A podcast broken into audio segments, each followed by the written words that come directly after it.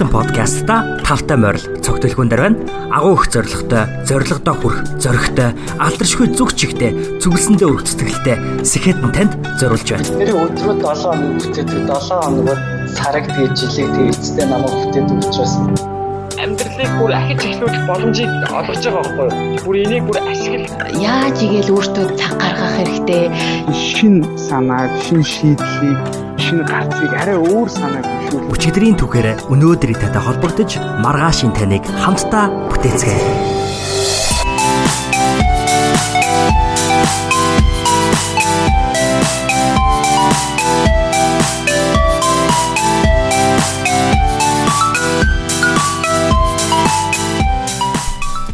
Сайн байцгаана сонсогчдоо Skeleton podcast-а эргээд тавтай морлоо. Skeleton podcast-ийн хамтран хөтлөгч цогт бэлгүүн дээр байна.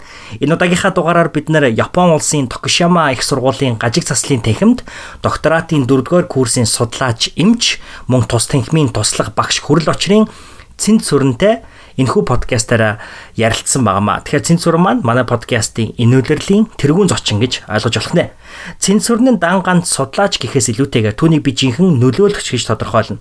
Учир нь тэрээр өөрийн мэрэгжлийн салбарын мэдлэг мэдээллийг хялбаржуулж бидэнд буюу Монголын медиа хүлээн авагч нарт зориулж эрүүл амьдралын хэм маягийн энгийн хэрнээ нэн эрхэм контентийг өөрийн олон нийтийн сүлжээний аккаунтуудаараа буюу Instagram хуудас, YouTube суваг болон Dental Update подкастаараа дамжуулан хүргэдэг судалгаа шинжилгээнд дээр тулгуурлан бусдад мэдлэгээ түгээдэг жинхэнэ нөдөөллийн хөгжлийн ажлыг хийж байгаа нэгэн гэж би тодорхойлох юм. Энэхүү подкастын бичлэгийг бид хоёр хамтдаа энэ оны 5 дугаар сарын сүүлээр бичсэн боловч хөтлөгч миний хувьд нийгмийн цаг үеийн байдал, зуны амралтын саруудын удаашрал болон хувийн шийдвэрүүдэд харгалзан үзээд нийтлэхий төр азанж байгаад одоо бэлтгэн хүргэж байгааг минь та бүхэн хүлээн авна уу? Энэхүү подкастыг янзалж та бүхэн түгээхэд бэлэн болгож байхад төрсэн бодол гэвээс энэхүү дугаар нь цаг хугацааны шалгуурыг даван гарах дугаар юм шиг санагдсан. Юу гэсэн үг вэ гэхээр хэдий 3 сарын өмнө бичигдсэн ч гэсэндээ энэхүү подкастер яригдсан одоо байгаа цэг дээрээсээ боломжуудаа хэрхэн тодорхойлох боломжийг ашигласан цэнт сүрэнгийн өөрийн хувийн туршлага буюу үнэ түүх мөн алдагдсан болон олдсон боломжуудыг үнэлж дүгнэн гэсэн эдгээр одоо чухал сэдвүүдийг энэ подкастын үндсэн сэдв гэж ойлгож байна. Тэгэхээр эдгээр сэдвүүд энэхээр ярилцсан зүйлсүүд маань тэр үед надад ярилцж байхад нөлөөлж чухал санагдаж байсантай адилхан амьдралын маань яг энэ үед ч гэсэндэ яг адилхан үнэлж барамгүй сануулга мэдлэг гэж бодогдож байсан. Тийм ч учраас эрхэм сонсогч та хаана байгаагаас үл хамаарч амьдралтай нь одоо ямар азтай учиралтай аль эсвэл бэрхшээлтэй даваатай цаг тохиож байсан ч энэ подкаст нь танд бэрхшээл бүрийг эрхшээж хов заяага хайрлах эрчийг тань сонороор дамжуулж зүрхэн тань ээ нэгт итгэлтэй. Ингээд хамтдаа энэ дугаарлууга үсэрцгээе.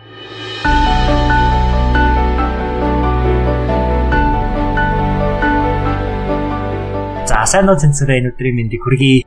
Сайн байна уу өөртөө ч гэсэн энэ өдрийн мэндийг хүргэе. За Японд өглөө хэрхэн эхэлж байна? За Японд өнөөдөр жоохон тийм бүрхэг өдөр байна. Оройд бол айгүй нартай дулаахан байсан.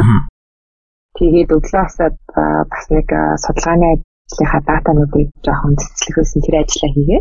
Тэгээ одоо подкаст халбагдал гэж байна. За тэгэхээр Японы яг ямар хотод яагаад тэд байгаагаа тайлбарлаж ирнэ. Өөрийгөө бид бүхэнд танилцуулаач яа гэж хүсэж байна. За тэгээ намайг ол цэнцүрэн гэдэг. Тэгээд би Япон улсын Токушиматай а Токушимагийн их сургуулийн ажиг таслын тэнхэн одоо докторантын оюутан а дөрөвдүгээр курсын буюу төгсөг курсын оюутан байгаа. Тийм тэгээд энд шүдний ажиг засал хүн болго мэддэг штеп нөө bracket applied гэж ярьдаг.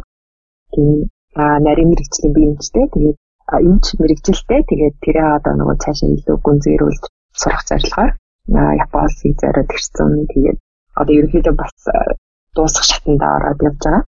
Тийм. За тэгэхээр яг энэ яг одоогийн туулж байгаа аялал эхлэхээс өмнө зэнцөрөн хаанаас ер нь яг одоо өөрийнхөө мэрэгжлийн гарааг эхлүүлсэн бэ?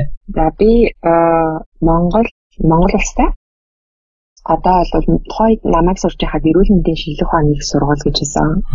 Одоо л нөгөө анагаахын шинжилгээ ухааны үндэсний их сургууль гэдэг болсон байгаа. Би яг нөгөө эрүүл мэндийн шинжилгээ ухааны сургууль гэдэг нэртэй байхын хамгийн сүүлийн төгсөлт.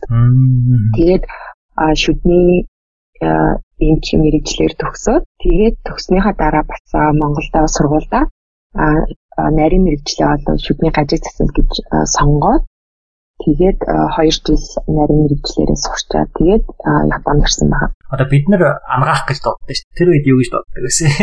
ажлын хамгаалалт гэж тотно. Тийм. Тэрнээс яг нөө бүтэний юм нөгөө бүрэн нэрээр нь аюу орч штэ тий. Тэгэл хүмүүс хаансард ингээл тэр ангаахад сардаг гэсэн шүү дээ. Бас нэг товчлаад бичсэн байгааг нь би хараад дотор ашус. А тий тий ашус гэл тий. Аа. Миний хамгийн түрүүнд асуухыг хүсэж байгаа яг бэлдсэн үндсэн нэгдүгээр асуулт юу вэ гэхээр би яг энийг өөрийнхөө туршлага дээрээс үндэслэж асууж байгаа юм л та. Тэр нь юу гэхээр аа одоо миний гэр бүл дандаа PhD хийсэн ингээд миний дээдлийн 2 3 үе байдаг хгүй юу. Тэгээд би хэрвээ бас PhD хийчих юм бол 3 үе яваад нөгөө гэр бүлийн ингээд үргэлжлэл болчих гээд. Тэгэхдээ би ингээд PhD-ийн програмуудыг ингээд хараад ингээд судлахаар амар хэцүү санагдах хгүй. Амар олон жил зарцуулна те. Одоо өөрөө 4 жил нэмээд сурч яах гэж зарим програмууд бол 5 жил, зарим хүмүүс бол хэдэн жилээр сунгацдаг шүү дээ. 6 7 8 жил хүртэл гээл PhD гээл. За тэгэхээр тэрийг бодоод үзэхээр яг PhD болно гэдэг бол одоо ихний алхмаа тавина гэдэг бол өөрөө айгуу тийм нөгөө хөнгөн хүлээж авах ёсгүй шийдвэр. Тий айгуух бодох ёстой айгуух зүйлийг тооцоолох ёстой.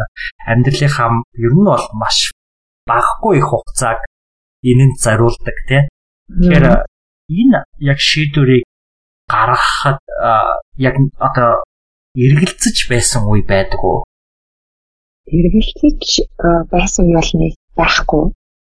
Гэхдээ бас яг бүр ингээл нэг туйлын зарлал маань одоо PhD болно гэдэг юм уу те? Одоо PhD гэдэг юм. Гоншин цалыг авна гэдэг маань бас яг туйлын зорилго биш байсан л да миний. Яг үе мэдээж энийг хамгаалах бол айгүй асар том ажил тий бас нэлийн одоо хүний чангас одоо тэр чихэн нөгөө нурууг хоглох шахам ажил та маш их. Ааха тэгээд тухайн үед би нөгөө сонгож байхад бол надад айгүй олон шалтгаан байсан. А нэгдүгээр гэх юм бол одоо яг багасаа нөгөө нэг бидний үеийн залуучууд ч нэг багаас нэг гадаадд яваад сурчий гэсэн нэг тийм бол бодол ингээд нэг багын ингээд байдаг гэсэн надад бол а нэг боломж гардаг ч юм уу те ингээд би хэрвээ ингээд миний чадвар ч юм уу өгөх юм бол өөрийгөө сорж үзэх зорилгоор а тийм бодол байсан. Тэгээд а хоёрт гэх юм бол нөгөө Японд PhD оюутан болж ирээд энд сурах маань бол би нөгөө клиник Тэгээ онлайн мэдлэг болон би судалгааны ажил хоёр маань аль алигаа би орхитуулахгүйгээр авч явах боломжтой. Аа. Энэ бас аюу том давуу тал байсан. Хэдийгээр би Монголд шүдний эмч мэрэгчлэрээ төгсөө цаашаа 2 жил нарийн мэрэгжлийн эмч ээр сураад ингээд нарийн мэрэгжлийн шалгалтыг нөгөөд одоо гажигцлийн эмч болсон ч гэсэн миний хувьд бол арай өөрийгөө би дутуу үнэлжсэн л. Аа. Одоо илүү би цаашаа илүү чадварж явах хэрэгтэй байна гэж одоо өөртөө дүгнэлт хийсэн. Тэгээд энэ чадаа цаашаа чадварж явах боломж маань бол бас энэ Японд ирж доктороор сурах байсан. Ялангуяа одоо яг адилхан гажигцлын тэхэндээ. Тийм бол би бас нөгөө клиник тал руугаа бас илүү нарийн мэрэгжих боломжтой. Би тэрийг нөгөө хоригдуулахгүй байх боломжтой. За тэгээ гуравт гэх юм бол ангаахын салбарч өөр айгүй онцлог салбар ахгүй юу?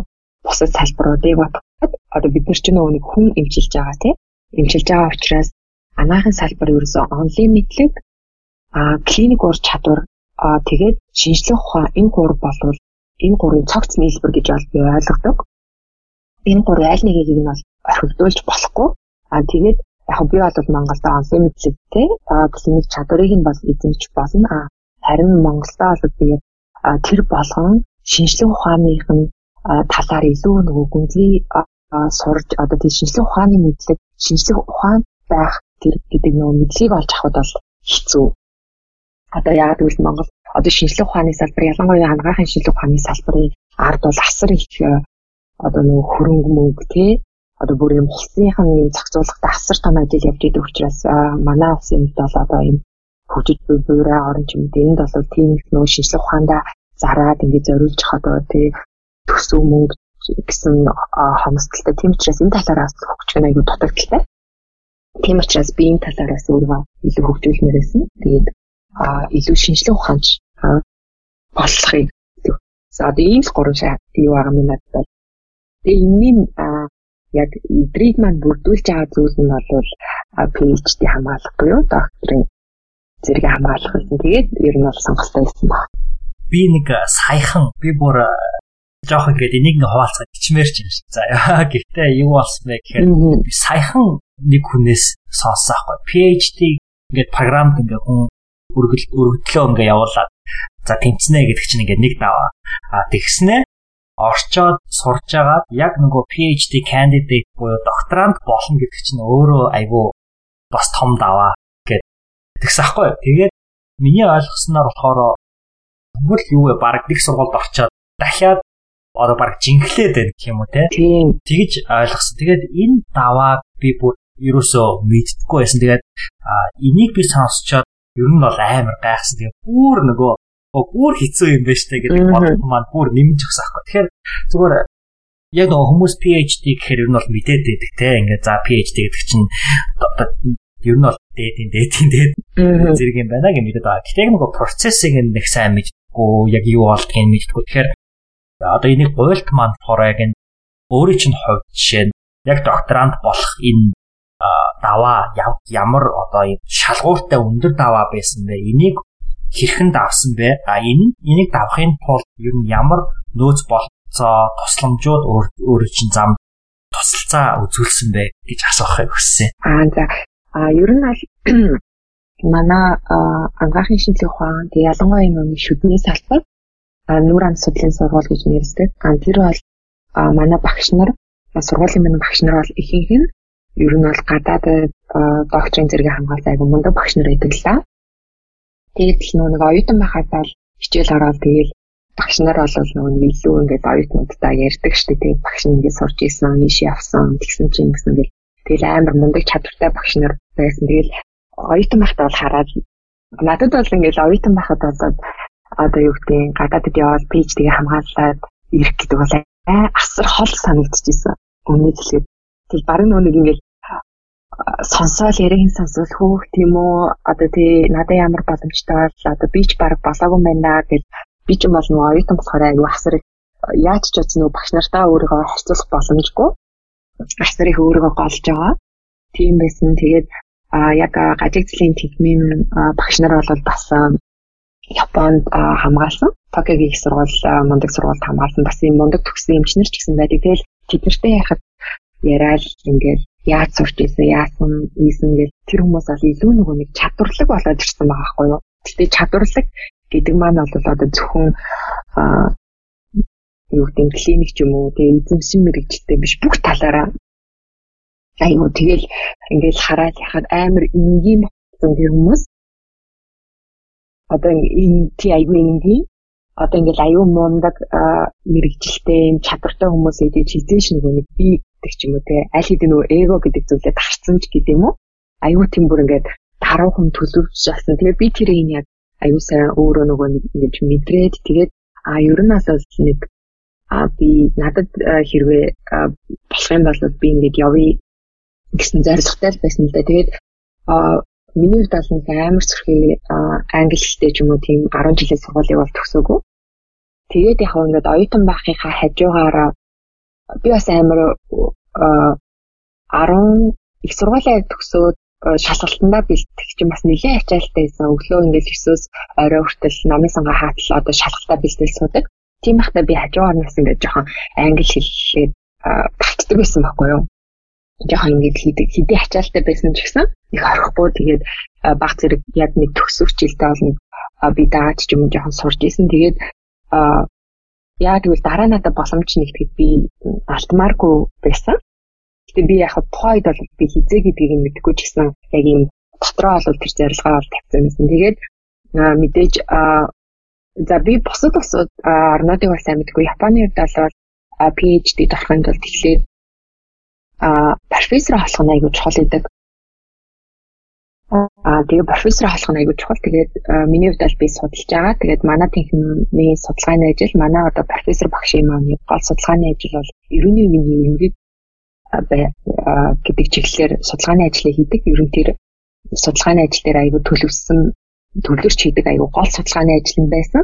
Тэгээ миний хувьд ч гэсэн ерөнхий үеийн юмгийг айгүй сонирхолтой. Яг гэвэл шүдний хажиг засал дээр шүдний ингэж буруу зүйлстэй ирүүний юуны эмгэг маань өөрөө салшгүй аа тэгээд бас Монголд ийм нөгөө нэг нарийн яг ирүүний үеийн нарийн мэрэгжилтэн эмч бас айгүй ховор байдаг. Тэгээд энэ маань өөрөө нөгөө нэг айгүй төвхтэй имчилгээний арга нь одоо гоцлын дэлхийн нийтэд тодорхойгүй байгаа. Айгүй юм төвхтэй бас яг имчилгээний тийм нөгөө тогтцоо харахгүй учраас айгүй бас төвхтэй одоо хам шинж гэх юм уу ерөнхийд үүсдэг тийм нэмэг А тэгээд надад одоо би яг профессор аандаа одоо бол өөрөө профессор гэж сонгосон байгаа. А энэ хүн дээр бол очиход бол би тийм ингээд миний нөгөө асад харж байгаа зүйл маань аягүй ойрхон юм гэж харсан. Тэгээд багшаасаа бол зөвлөгөө авсан. А Японд сураад ирээд байсан багшаасаа зөвлөгөө аваад ярилцаж үзсэн. Тэгээд а гурван профессор дээр бол одоо би тэгээд нөгөө нэг үе шатны гэх юм бол профессорлогоо би өөрөө танилцуулаад мэйл бичих хэвээр. Тэгээ би ийм ийм хүсэлтэй байгаа. Тэгээд надад одоо ийм туршлага ингэж ингэж би ийм ийм мэрэгжил эзэмсэн гэдэг юмудаа ингээд тэгээ цаашдаа нөгөө хамгийн гол нь яагаад тэр профессорыг тэр сургуулийг тэр техник сонгосон гэдгийг аягүй сайн гаргаж өгөх хэрэгтэй. Тэгээд профессор маань хэрвээ ингээд зөвшөөрөд хүлээж авах юм бол би сургууль руугаа өргөдлөө явуулдаг байгаа. Аа за тэрэн дээр нь бол нөгөө тодорхой юм шаардлагууд байгаа л да. Өргөдлөө явна. Одоо CV гэж яриа штэ тэ CV-г явуулдаг. Тэгээд тэн дээр нь бас нөгөө нэг англи хэлний IELTS оноо гэдэр байдаг. Тэгээд тэрний дараагаар болол би ярилцлаганд орох хэвээр гурван профессор. А тэр нь бол яг нөө бичлэн ирж орж болдог. Тухайн үед нь болохоор ингээд профессорудаас болоод тэрийг сонгох юм байлээ. Тэгээд эсвэл нөгөө нэг мэйлэр эсвэл би нөгөө нэг харьцаж тэр ярилцлаганд орох боломжтой байдаг. А тэгээд тухайн үед миний намайг нөгөө нэг ярьцлага авах гурван профессорын нэг нь бол гадаадд нөгөө нэг хуралд явцсан байсан учраас бол яг тухайн үед нөгөө нэг энэ чи айгүй одоо бараг ингээд юу гэдэг өнөөдөр нь би CV-г явуулаад ч юм уу 7 хоногийн дараа буцаал хариу нэрх юм тийм зүйл биш шүү дээ тий. Тэгээд ингээд мэдээж Япон за тэгэл амар завгүй асар завгүй профессорууд чинь баг нөгөө нэг ажлаа ингээд жилээр нь төлөвшдөг. Тэгээд тухайн үеийн нөгөө нэг ярилцлага надаас авах үед нь бол нэг профессор нь бол гадаадад өөр газар хуралтай байх болж таарад надад тэгээд мэйлэр ярилцлага бүх тийм сонголт одоо гарч ирсэн. Тэгээд эхний ээлжинд бол тэр гурван профессорынхаа сургуулиас ирсэн мэйлийн дагуу өөрөө танилцуулаад явуулна. Тэгээ би ингээд өөрөө тавьж танилцуулаад явуулна. Тэнгүүд тухайн гурван профессороос асуулт ирдэг. Гэхдээ тэр асуулт аюу хэцүү. Ерөөсөө тийм энгийн биш бүр аюу тийм шинжлэх ухааны одоо шинжлэх ухаан судалгаа талтай бүр аюу суур судалгаа бүр нөө эсийн төвшин тийм амар хүнд асуултууд ирж ирсэн надад. Тэгээ 3 хүнээс ирж ирсэн. Тэгээд бараг нөгөө асуулт нэг зориулж би бүр хасар их юм унших хэрэгтэй болж байгаа байхгүй юу? Тийм яагаад гэвэл би ч одоо нөгөө нэг өмнө тийм сөрхий мундаг судалгаа шинжилгээ хийж үзээгүй надад тийм туршлага байхгүй. Надаас бол аюу хол байсан. Тэгээд одоо стейж одоо нөгөө нэг одоо жишээ нь гэх юм бол нэг асуулт нэг аюу сайн санаж байгаа нь одоо гажиг засалч хүний шүдийг ингээд наашаа цаашаа хөдлөж байгаа шүү дээ бид нар тэгшлэгийн тулд Тэгэхэд эсэд ямар одоо стресс үүсдэг вэ? Тэр механизмыг тайлбарлана уу гэдэг байсан. Тэгээд бүр амар гүнзгий асуулт. Тэгээд би бүр амар сайн уншаад бүр бараг нөгөө нэг ярилцлагаа авах гэж бараг нөгөө сурж байгаа аахгүй юу? Тэгээд ямар ч байсан нэг профессораас дөрөв асуулт нөгөө хоёр профессораас бол гурав гурав асуулт ирээд тэгээд нэг хэсэг хугацааны дараа бол яг хариу нэрээд яг хугацаа бол яг өгөөгүй ингээд нөгөө чи заавал тий Гэхдээ мэдээж тэр чинь нөгөө нэг хариулахгүй тэгээд таг алгуулчих болохгүй тий. Тийм тийм учраас яг хугацаа бол байхгүй тэгээд эхний асуултанд хариу сонгоод миний хариулт дундаас дараагийн асуултаа ингэж бэлдэж явуулдаг. Явуулж ирсэн л да. Тэгээд тэр хүмүүс бол айгүй амархан тэр хүмүүс ч бүр ингээд үнцэн мэрэгчл насаараа судалгаа шинжилгээ хийсэн баг одоо тэр хүмүүс нь амьдрал нь шүү дээ тий. Тийм байсан. Тэгээд ямар ч байсан очсон. Тэгээд ер нь PhD гэдэг маань бол асар том хариуцлага хүн яг өөртөө зорилго тавьж байгаа хариуцлага. Гэхдээ энд бол нөгөө нэг орсон болгон бас яг төгсдөггүй дундаас нь шантраа хайсан ч юм байгаа эсвэл чадахгүй орхисон ч хүмүүс байгаа. Тэгээд зөвхөн судалгаа гэхээсээ илүү маш олон зүйлүүд дагалдж идэг. Яг яг энэ сэдвийнхаа хүрээнд би дараагийн асуулт руу хоосон зүгээр арай жоохон дэврүүлээд ярилцмаар байна л да. Одоо энэ түрүүнд дурдсан шүү дээ. Англи 10 жилдээ бол англи хэлээ ингээд мэдээж хэрэг өдрөөл ер нь бол одоо бид нэр яг л адилхан төвшөнд ер нь англи хэллэг сурж байгаа шүү дээ Монголд 10 10 жилдээ. Аа тэгээд чи ингээд би дагаад оюутан багтаа англи хэлээ нөө төгсөх ангидаа ингээд сурсан гэдэг чинь давцсан те. Аа яг энэ процесс ер нь бол яг өөрөө давтахдаа яг юу хийдэг байсан бэ? Яг ер нь яаж давтдаг байсан бэ? Аа Миний хувьд бол би аа яг ингээд сургалтанд бол яг тухайд нэг удаа сууж исэн. Яг хэдгээр яг сайн санахгүй байна. Суугаад тэгээ тухайд бас оюутны зуны дадлага эхэлсэн байсан баха. Имлэгт бас ингээд нөгөө зуныг бид нар дадлага хийдэг. Тэгээд тэнгууд нөгөө нэг имлэгээс зарим тохиолдолд өвчтөн цагаас хоцрох ч юм уу? Тэр тохиолдолоос болоод би аюул олон нөгөө хичээлдээ бас сууж амжаагүй байхгүй юу? Бас ингээд нөгөө нэг тухайн имлэг намайг одоо тэгээ 100 дадлага хийхийг ингээд зөвшөөрсөн байхад би бас ингээд нөгөө нэг жоохон санаа зовоод одоо би ийм давхар явж яамаа ингээд явчихуу гэхээсээ бас жоохон санаа зовоод тэгээд суугаад тэгээд одоо яг тэр ном мэдэр надад бол байсан. Тэгээд тэрийг заавандаа ингээд нэг хаяа үзээл нэг хідэн шинэ үгээ сайжруулждаг ч юм уу тэгээ нэг орхихгүй л тэгээ яваад идэв гэсэн. Тэгэл мэдээж нөгөө ангаахаа оюутан болоод ирэхээр чи монгол хэл дээр яг нөгөө нэг юу байхгүй. Одоо бидний яг хүсээд уншиг гэсэн тийм нөгөө номны олдоц айгу бага байдаг. Анаагч гэхгүй ер нь бүх салбарт тийм л байгаа. Тэгээд мэдээж гадаад одоо англи хэл дээр ч юм уу номнууд уншаад багш нарын өгсөн даалгаврыг ч юм уу уншаад унших юм шаардлагатай болоод ирэнгүүт тэгэл нөгөө номнууд ингээ баг багаар нөгөө нэг хэрэгтэй сэдвүүдээ уншаал. Тэгэл нэмэхэд надад бол нэг тийм нөгөө амар нөгөө ярианы биш одоо нөгөө бичгийн чадвар ч юм уу тийм яг тийм нөгөө ойлгох чадвар нь айгүй тийм нөгөө байнг нэг юм амар юм бүр оюутан багтаал хэрэг нэг орхиж байгаа хүмүүртлөө бүр амар ингээл нөгөө яг бүр ингээл зориг тавиал нэг сар хоёр сарын дараа биеийн хэмжээнд гэсэн юм уу. Тийм юм нэг бол байгаагүй байсан. Тэгээд байж агаад IELTS нь ер нь ингээд шалгалт өгөө дараа ингээд одоо боломж нэгдэх юм бол зүгээр гэж бодоод нэг сургалтанд явсан байгаа. IELTS-ийг тухайд бол минийх яг хангалттай байгаагүй ч гэсэн би ингээд бас энэ арай жоон заагүй гэдэг би ингээд өөрөө бүрэндээ ажиллана гэдэг. Одоо сургалтын төвийнхаа багштай яриад намайг бол нэг advanced явчаад дараа нь ингээд авчвал зүгээр гэдээ хэлчихсэн л та. Тэгээд тэрэнд явчаад тэгээд яг төсчөөд нэг төгсөлтийн шалгалт эдгээр давхцаад би бол яг тухайн үед нөө төгсөнгүүтээ бол өгж бол чадаагүй IELTS-ийн шалгалтаа нэг 2 юм уу 3 сарын дараа бол өгч исэн. Уул нь яг уул нь төгсчөөд яг шинэ агаа дээр өгвөл бол тэгээд зүгээр санагдсан л да ингээд аягүй жоохон мартагдчихсан юм байлээ. Гэхдээ яг би тухайн үед 6.5 оноо азар ч юм авсан байсан. Тэгээд бас энэ нөгөө нэг сургуультай дараа нь тэр нөгөө apply-гээ CV-гээ явуулахад энэ маань бас айгүй хэрэг болсон.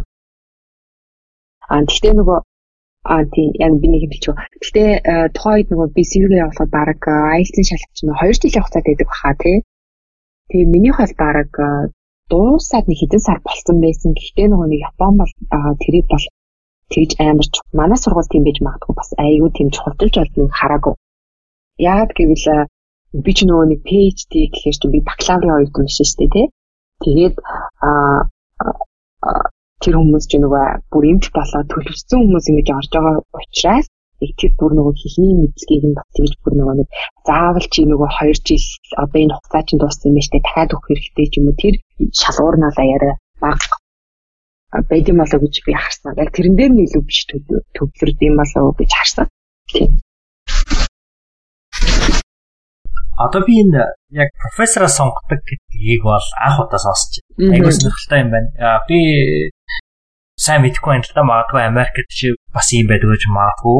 Гэхдээ энэ бол айгуу сонирхолтой юм дээр одоо ингэ профессороо тэгэхээр сонгохын сонголтыг хийхдээ бас судалгаа хийн гэсэн үг шүү дээ. Яг одоо профессороо сонгоно. Тэгэхээр би зүгээр гайхаж байна л да. Одоо би яг өөрийгөө өөрийн чинь байдал төсөөлөхөд амар хэцүү санагдаад байна л да. Ингээд яг яг их сургуулаа төгсчөө тэгээд нэгэн зэрэг маш олон зүйлийг болоод байгааг санагдаад байгаа байхгүй англи хэлэд автчихин дээрээс нь судал профессораа сонгож гин за сонгосныхаа дараа холбогдчихин тий Тэгэхээр энэ бүх процесс ер нь одоо ингэж дахин дахин нэг дор ингэж оволцоод байдаг юм аа даа үгүй би одоо буруу ойлгож иж магадгүй. Гэхдээ яг энийг ерөнхийдөө тухайн үе одоо хэрхэн ингэж аргалж исэн юм уу те одоо аргалж исэн гэдэг нь айгу муу үг байна. Нэг яаж энийг зохицуулж исэн бэ? Одоо ингээд аа Японд их сургуулиуд яа жишээ нь гажиг заслын техник гэж байгаа шүү дээ тий. Тэгэхээр их сургууль болгонд мэдээж энэ нөгөө байгаа. Тэнгүүд одоо гажиг заслын техник гэд миний одоо нөгөө бүр ингээд нарийсаа сурах гэдэг техник маань сургууль болгон дээр өөр өөр ингээд судалгааны ажлууд хийдэг байхгүй юу? Судалгааны ажлууд нөр байдаг. Тэгээ тэр дундаасаа бас ингээд сонгосон. Тэгээд хоёр дахь юм бол бас манай сургууль дээр бол манай нөгөө нэг ингээд лаг намайг оюутан байхад багш нар маань бас бас ган хоёр багш төгсөөд ирсэн байсан. Тэгэл ингээд багш нар аягүй нэг ярьж өгдөгс ахгүй юу багш нэг гэж төгсөн ингээд ийм ийм асуудал байдаг юм хийжсэн хийжсэн гэл тэгээ надад аягүй төхөмөсөн тэгээд а 3 дахь гэх юм бол би гажиг заслын нарийн мэрэгжлийн юмж болж төгсчөөд Японд гажиг заслын Японы хуралд оролцохоор ирж исэн. Багш нартаа зүгтээ тухайн үед нөгөө нэг профессортойгоо бас танилцаад яг азар тэр үед нөгөө нэг тэр хурал маань ч гэсэн бас нөгөө нэг манай одоо жил болгон Японы гажиг заслын холбооны хурлыг болохоор нэг нэг сургуулиуданд дааж авч хийдэг байхгүй юу? Тэгээ тухайн үед бол одоо миний сурж байгаа Токшимагийн их сургуулийг хариуцж хийж исэн.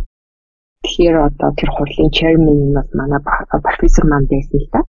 Тэгээд ингээд энэ нөгөө Монголоос ирсэн хүмүүс гэдэг юм бол орон орноос ирсэн хүмүүс угаасаа нөгөө chairman хүлээж аваад богино ч гэсэн ярих ёстой, ярилцах ёстой тийм бидний хуралд ингээд хүрэлцээшн баярлаа гэдэг. Яг үл тэр чинь нөгөө олон улсын хурал учраас бас гадаадаас ирсэн улс улсаа төлөвлөж ирсэн хүмүүст айгүй татны байдаг юм байлээ. Яг би тэрийг аюул сайн мэдсэн байлээ. Би нөгөө ихний удаа тэр хуралд оролцохдоо айгүй ингээл өө Монголоос ирсэн юм чинар гэж ингээл хүн болгон хүлээж аваад байсан. Тэгээд тухайн үед бол тэр үед би профессортай ингээд танилцаад тэгээд профессортай аюул сайн нөгөө ингээд ямар судалгааны ажил хийдэг өөрөө танилцсан. Тэгээд дараа нь нийлчихээ. Тэгээд илүү надад төхөм боломж олгож өгсөн. Тийм. Одоо эргээд харахад яг энэ түүхийг сонсохоор надад төрж байгаа мэдрэмж нь хүний амьдралд ингээд нэг л боломжийг алдсан бол магадгүй өөр зөндөө боломжуудыг алдах байсан тийм үеуд ингээд айгу байдаг. Те тэрийг өөрсдөө тухайн үед мэдэхгүй шүү дээ те яг эргээ харахаар тийм. үед маш олон байд юм санагддаг. Аа тэгэж бодогдож байна одоо бас эргээ бодоход магадгүй энээс гадна өөр те би яг энэ үед энэ боломжийг алдсан байсан бол одоо жишээ саяны IELTS-ийн оноо олж чинь айгу гоё жишээ байгаа байхгүй. Зарим хүмүүс магадгүй оо миний IELTS-ийн оноо нэг цаан дууссан штэ. Гэснээр гид бодогч жишээ нэг хүн байхыг баг байж болохоор штэ тий Тэгэхээр зэрэг тий. Тэрнтэй адилхан өөр бас эргээд харахад одоо яг энэ ихэн үеийн процесс тэр үед ингэсэн бол ингээгүй байсан бол ингэх байждаг гэж тийм үе ер нь өөр байдаг болов. Яг зөндөөл хэрвээ одоо би юу гэдэг бас тухайн үед ингээл дөнгөж яг төгсчөөл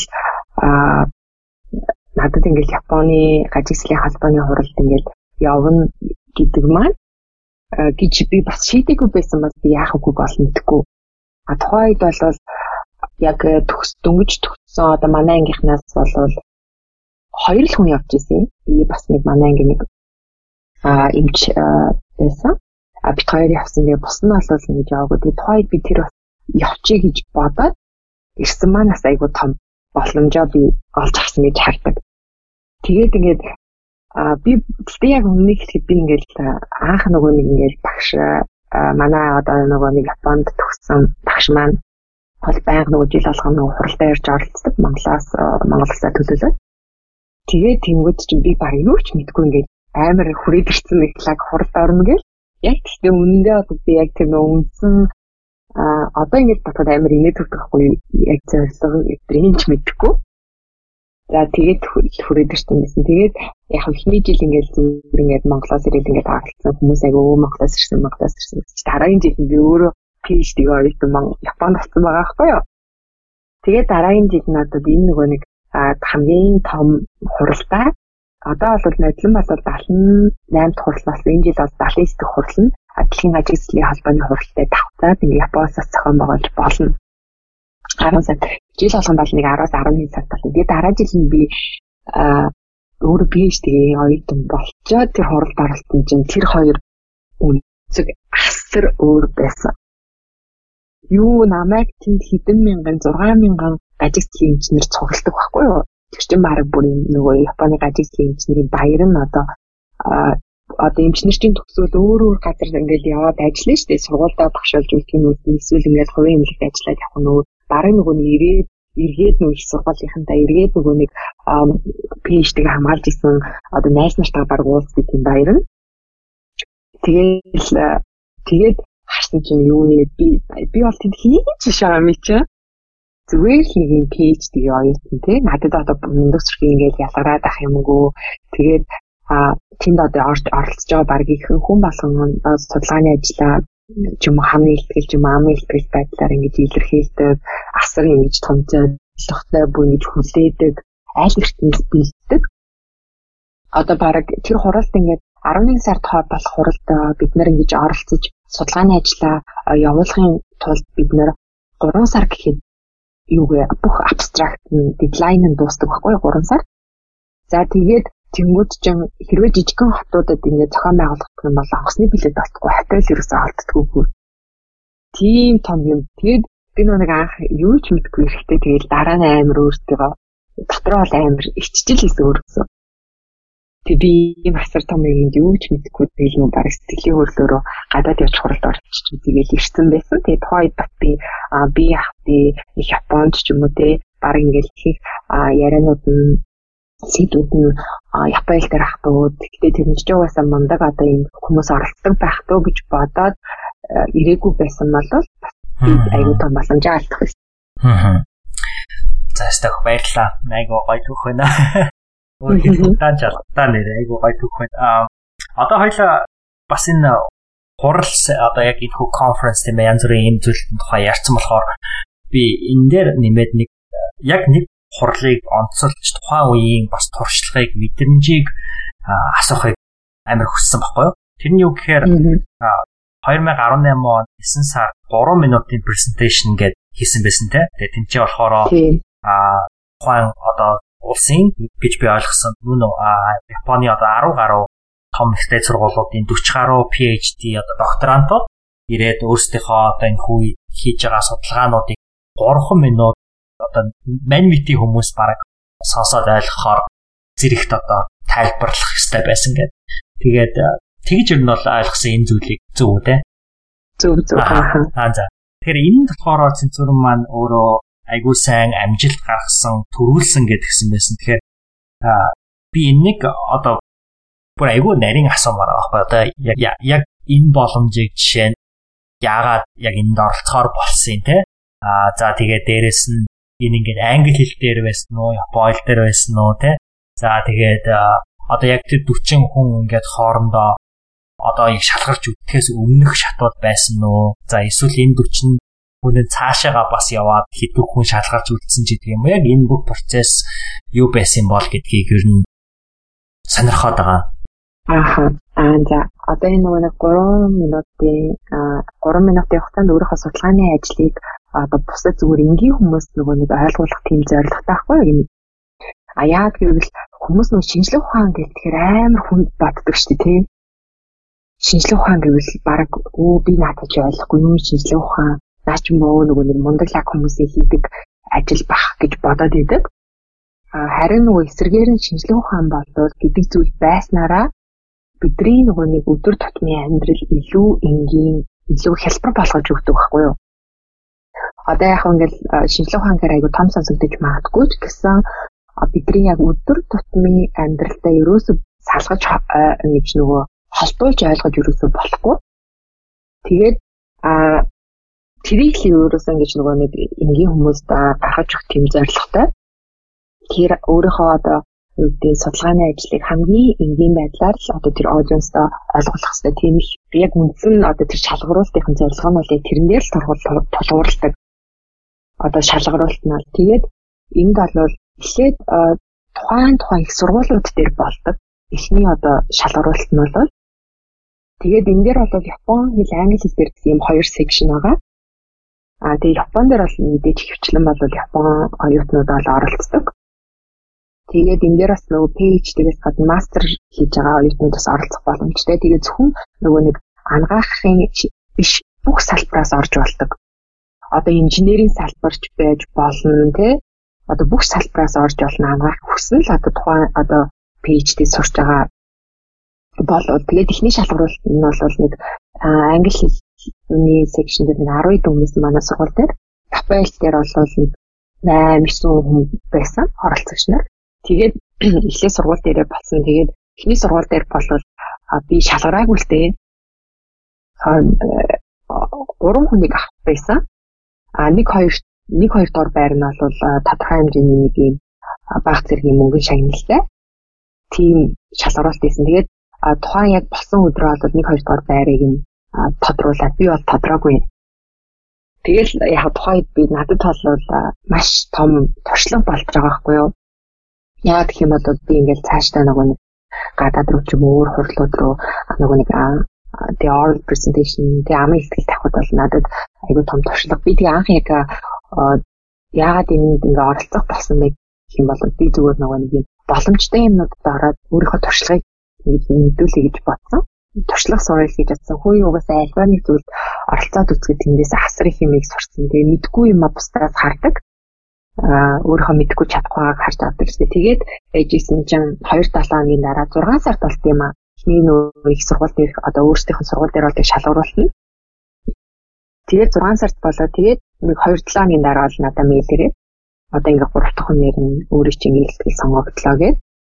Тэгээд 9 сард бол Хирошимагийн их сургууль дээр болсон. Аа тэгээд англи бол Японы секшн дээр 20 20 дүүмсэн. Тэгэл би ингэ батсан чинь Хирошимад чинь бид нэр 2 шин 3 өдөр олсон. Бүх ингээл нөгөө оролцож байгаа хүмүүс нэг хотелд байгаа л ингээл яг маршруттай өглөөний хоолт юм, өдрийн хоолт юм, орой хоолт юм гэх яг бүгд цугсан. Тэгээд өдөр нь болоод яг ингээд Хирошима гарч жоох ингээд явж ойр орчиндөө танилцаа. Хоёр дахь өдөр бол яг нөгөө хүмүүс маань илтгэлээ танилцуулаа. Гурав дахь өдөр бол яг шангилаа гарч болсон. Тэгээд тэгэл ингээд орсон чинь амар санбар анх удаа тийг сандарсан. Яа тэгвэл нэг эхлээд эхлэхийн өмнө бидэрт ингээд заал танилцуулаад та нар энд энэ цуун тэгээд ингэж тойрч гараад ара араасаа ингээд тайсны гол ирнэ гэж тэнгүүд үзүүлсэн чинь бүр ингээд маш том миний амьдралдаа харж байсан хамгийн том тайз байсан. Одоо тий аюу том тайз. Тий тэгэл ерөөсөө ингээд миний ээж болцсон чинь тайзан дээр би ганцаараа миний өдөө цаг Тэгээл ингээд хүмүүний бод би ингээд баг ингээд сайн харж чадахгүй байхгүй. Яг юмаа биш яг энд очиж зогсно. Тэгээд нэг ингээд зогсчоод ийшээ ингэж гарна гэдэг хүн болгоо нэг нэг удаа хийж үзсэн байхгүй юу? Илтгэлээ бол бэлтгүй. Тэгэл тэгсэн чинь яг тухайн үед ингээд зогсоход би бас ингэж бодсон. За яг энэ тайзан дээр би тэг яг миний дээр ингээд чанх нэг юм том гэрэл тэг миний үдс минут за бид гурал үлдэх юм байна гэж бодоод амар сандарсан. Тэгэл харсан чинь ингээд бүх хүмүүс тэг англи хэл дээр би бол англи хэл яхан секшн дээр бүх одоо тийш ингээл Австрал ч юм уу Канадаас ирсэн оюутан Америк оюутан ингээд юу би бүр ингээд барыг нөгөө үсэж хараа. Тэгэл насны хувьд ч гэсэн би бол нөгөө PhD-дээс харцангуй жоохон залуу ороод идэг гадаад оюутнуудад харьцуулаад насны хувьд ч асар туршлагатай. Тэгэл бүх хүн надаас мундаг харагдаад Тэгэл би бүр амар сандраад Тэгэл ингээл ер нь аль болох ингээд өөрийгөө сандралаа барихыг хичээгээл ингээл амар сандраал. Тэгэл угаасаа яах юм тэгэл миний цаг их ирнэ. Тэгэл би гараад хэлээ унсан. Тэгээд энэ 3 минутын э, гэдэг маань өөрөө яг яг ийм минут заагаад өгчөж байгаа болохоор тэр өөр айгүй хэцүү. Хүнийг айгүй сандрахдаг юм билээ. Зүгээр нөө яг 3 минут гэхгүйгээр аа за таны одоо юу гэдэг ихтгэлийн хугацаа чинь нэг ойролцоогоор 10 минут байна ч юм уу те нэг ийм эсвэл хэдийн слайд байх шүү энэ тэрэ гэдэг өөр одоо нөгөө амжилтдаг л арай өөр. Тэгээ 3 минутанд би айгүй өөрийнхөө судалгааны ажлыг аюу энгийнээр хүмүүс ойлгосон. Юу гэвэл би одоо жишээ нь өөрчлөн ингээл судалгааны ажлаа яриад яг нөгөө нэг шинжилгээ ухааны үгийг мэдээд байвал ойлгохгүй шүү дээ. Тэгэхээр хамгийн энгийн байж болох үгийг сонгоод тэгэл миний хугацаа ингээд дууссан. Тэгэл би буучаал гарсан чинь ингээд амар мондөг. Одоо яг төрлөх англи хэл дээр ярьж байгаа хүмүүс ингээд гацаад шууд ингээд паузлаад Япон хүмүүс хүртэл аягаа тэнд оролцогч нараа маань тэгсэн. Тэгэл би яг бодож исэн. Яг тайз гэдэг зүйл маань томч бай жижигч байсан хамаагүй тайзлаад юм байна. А яг энэ дээр бусдын өмнө хүн гарахад бол заавал нөгөө нэг айцтай байд юм байна, сандралтай байд юм байна. Энийг бодоод нөгөө нэг юм энэ онцгой зөвхөн надад тохиолдоод байгаа зүйл биш. Энэ бол бусад хүнд байдаг. Харин барыг нөгөө сандрал айцтай ингэ сандрах гэдэг процесс байж ич би ингэж гарт ихтгэлээ уншд юм байна гэдгийг би яг тэр үед амар сайн ойлгосон. Миний бүр хамгийн сайн ойлгосон энэ ихтгэл тавиад хамгийн сайн ойлгосон юм маань бол яг энэ угаас одоо нөгөө байх зүйл гэдгийг нь л ойлгосон л доо. Яг тэгвэл ингээд бусад мундаг яг өөрийнхөө төрлөх хэлээр ярьж байгаа хүмүүс ингээд шууд гацаад ингээд цаашаа бүр ингээд магтаад ингээд паникнд ороод ингээд цогсоод тэгээд ихтгэлээ тусгаж чадахгүй бас айгүй олон хүмүүс ирсэн баггүй юу. Тийм тэгэл маргааш нөгөө нэг шагнал гартуулсан. Тэгэл яг нөгөө нэг ивент тэгж байгууллага гээд а дөрөв билүү таван компаниас ирсэн гэсэн. Тэгэл нөгөө Nature сэтгүүлийн ерөнхий Японд редактор гэл амар мундаг мундаг юмудаас ирсэн.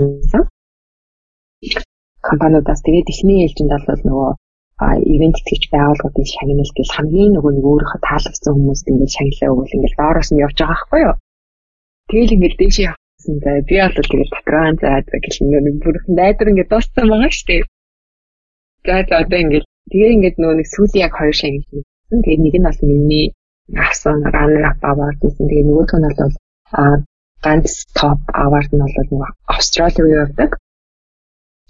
А Австралид очиж яг энэ бол зөвхөн Японд биш айгуу дэлхийн олон орнд гэдэг юм лээ.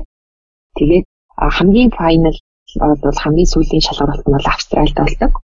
Тэгээд дэлхийн өнцөг болон бүрээс яг нөгөө топууд нь очиж илтгэлээ тавьсан билүү. Тэгэл би бараг заа цаг гэл амир нэгэл надад ийм боллоо даа гэл бодоод ичсэн чинь миний нэрийг дуудаа. Тэгээд би нөгөө эхлээд би дуудах нь ерөөс нь сонсоогүй намайг гэж бодоагүй. Тэгээд хоёр дахь дээр нь би яасан. Аа брэм руу гэл амир сандрд юм байлээ. Тэгээд авч ийсэн. Тэгээд яг бусад нөгөө инженер ч юм уу тий одоо технологи artificial intelligence энэний тухай ч гэсэн ярьж исэн хүмүүсээс нь тэрний хувьд бол миний судалгааны ажил бол бас нөгөө нэг харьцангуй хүнд одоо гений генетикийн талдаа одоо тий одоо тухайн нөгөө генийг нь өөрчлөөд ямар одоо ген инженерийн тиймэрхүү талдаа ахгүй юу тэгээд бас бас аюу ойлгомжтой байсан. Тэгээд тэр нөгөө нэг нэгт аюу ойлгомжтой ярьсан хоёрт гэх юм бол үзэгчтэй тэг аюусаа харьцсан. Тэгээд тэгээд би брэм гайхчихсан. Яг яг энэ тухай би цаашаа ингээл асуугаал явуул зөндөө л асуултууд би яг яг энэ одоо туршлагын тухай ярилцахыг аягүй хүсэж байна. А гэхдээ би тэгэхээсээ илүүтэйгээр цаашд нь тохиолдсон зүйлүүдэд яг энэ туршлага нь яаж нөлөөлсөн гэдэг талаар нь магадгүй илүү ойлаа бас ярилцвал яг тэр асуултуудаас хариултаа авчих болов уу гэж найдаж байна та. Яг тэгэхээр яг энэ үеэс хойш ер нь бол ямар нэгэн байдлаар арай жоохон өөртөө яг тэгэхээр би яагаад энийг хэлж гэхээр өөрөө хэлсэн шүү дээ. Түрүүн оюутан байхдаа бол багш нарынхаа тэргээд өөрийгөө голдог те. Ер нь бол өөрийгөө голдог гэсэн. Тэгэхээр энэ үе бол би бол одоо чинь яаран дэсэн бол арай баг зэргийн өөрийгөө одоо би чинь бас болчтiin байж тээ гэж нэг бодох байх л та.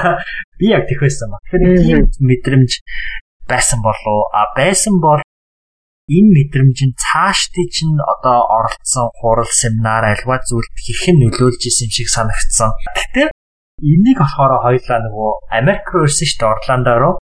Яг тэр үе үе хүртэл таслаад заяа. Хоёлаа тэр үеийг дараа нь. Яг тэр үеийг хүртэлх яг одоо яг энэ 2018 он 9 сараас 2019 он 9 сар буюу одоо энэ нэг жилийн хугацаанд яг энэ үеэс хойш ямар ямар газруудад очиж өөрийнхөө илтгэлийг танилцуулав те. Энэ тухай тэгээд энэ дээр ер нь үргээд харахад ямар туршлагыг олж харав? Ааха аюу гоё асуулт байна. Яг би одоо асууж нь бод бодлоо л да тэгээд адтай ч юм яг тухайн яг тийм 2018-аас 19 оны хувьд бол би аюу боломжийн олон хуралд оролцож бас аюу олон шагнал адтай нэг олон жишээ нэг 3 4 бас тийм аваад шагнал авсан. Тэгээд манай тийм бол ингээд ингээд 7 хоногийн 3 дахь өдөр болгон хоёр одоо багш бол нэг нь өөрөө хийж байгаа судалгааны ажлын талаар нөгөөх нь өөрийнхөө хийж байгаа клиниктэй клиникийнхаа тухай ингэж нөгөө сүүлийн имчилгээний шиний юм юм арга байдлаар ингэж имчилсэн чи амжилттай юм миний судалгааны ажил энэ төвшөндөө явж ийн гэж ингэж бусдаа ингэж заавал презентацийн бэлдэж тавьдаг юм баггүй юу. Тэгэхээр нэг ингээл манайх чинь 30 дүүнтэй гэдэг ингээл 7 хоног болгон гэхэд би миний хувьд бол жилд нэг 2 удаа тавьдаг. Тэгээд би бол анх юм тийм асар том тайзан дээр гараад хүмүүсийн өмнө илтгэлээ тавих байдгаа одоо нэг 30 эдэн тэгмийнхаа хүмүүсийн өмнө тавихад би бүр амар сандарч айдаг ус айгу бэлдээл яана гэж амар бэлдээл айгаал идэг гэсэн. Ерөөсөө нүг хий хоос айгаад идэг гэсэн лээ. Тэгээ яг энэ 3 минутын презентацийн дараа би нэгт айгу өөртөө ихтэй болсон. Тэгээд угаасаа нөгөө нэг юм айх одоо тийм сандрах гэдэг зүйл угаасаа байдаг гэдгийг би хүлээмжшөөр зөвшөөрсөн. Угаасаа байна. Одоо энэ бол угаасаа хүн ингээд их байсан ч гэсэн бага хэмжээгээр бол үүснэ гэдгийг нь бол ингээд хүлээгээд авсан. Тэгээ ингээд хүлээгээд авчаар айгүй амар одоо юу гэдэг одоо презентацийн хийгээ хийснийх нь ингээд дараа ч юм асуулт хариултын хэсэг ингэж явдаг шүү дээ тий. Тэр үед ингэж хүмүүсийн асуултыг аюу сайн сонсоод ингээ хариулах чадвар маань аюу нэмэгддэм мэлээ нэмэгдсэн гэж би харж байгаа. Яг л өмнө нь ингээ нэг айгаал ингээ би ингээ барайл ингээл бүх болчингаа чангалчаад ахаар юм заримдаа ингээл хүний асуулт ингэж нөгөө ерөөсө хүлээж авдаггүй. Тэгээд манай нөгөө нэг шүдний сургуулийн а бас нэг юм өрмөц давуу тал нь давуу гэх юм да өрмөц амтлан гэх юм бол хоёрдугаар курсээ бүх сургуулийнхаа профессорууд тэгээ багш нарын өмнө болоод өөрийнхөө судалгааны ажлыг intern presentation хийдэг.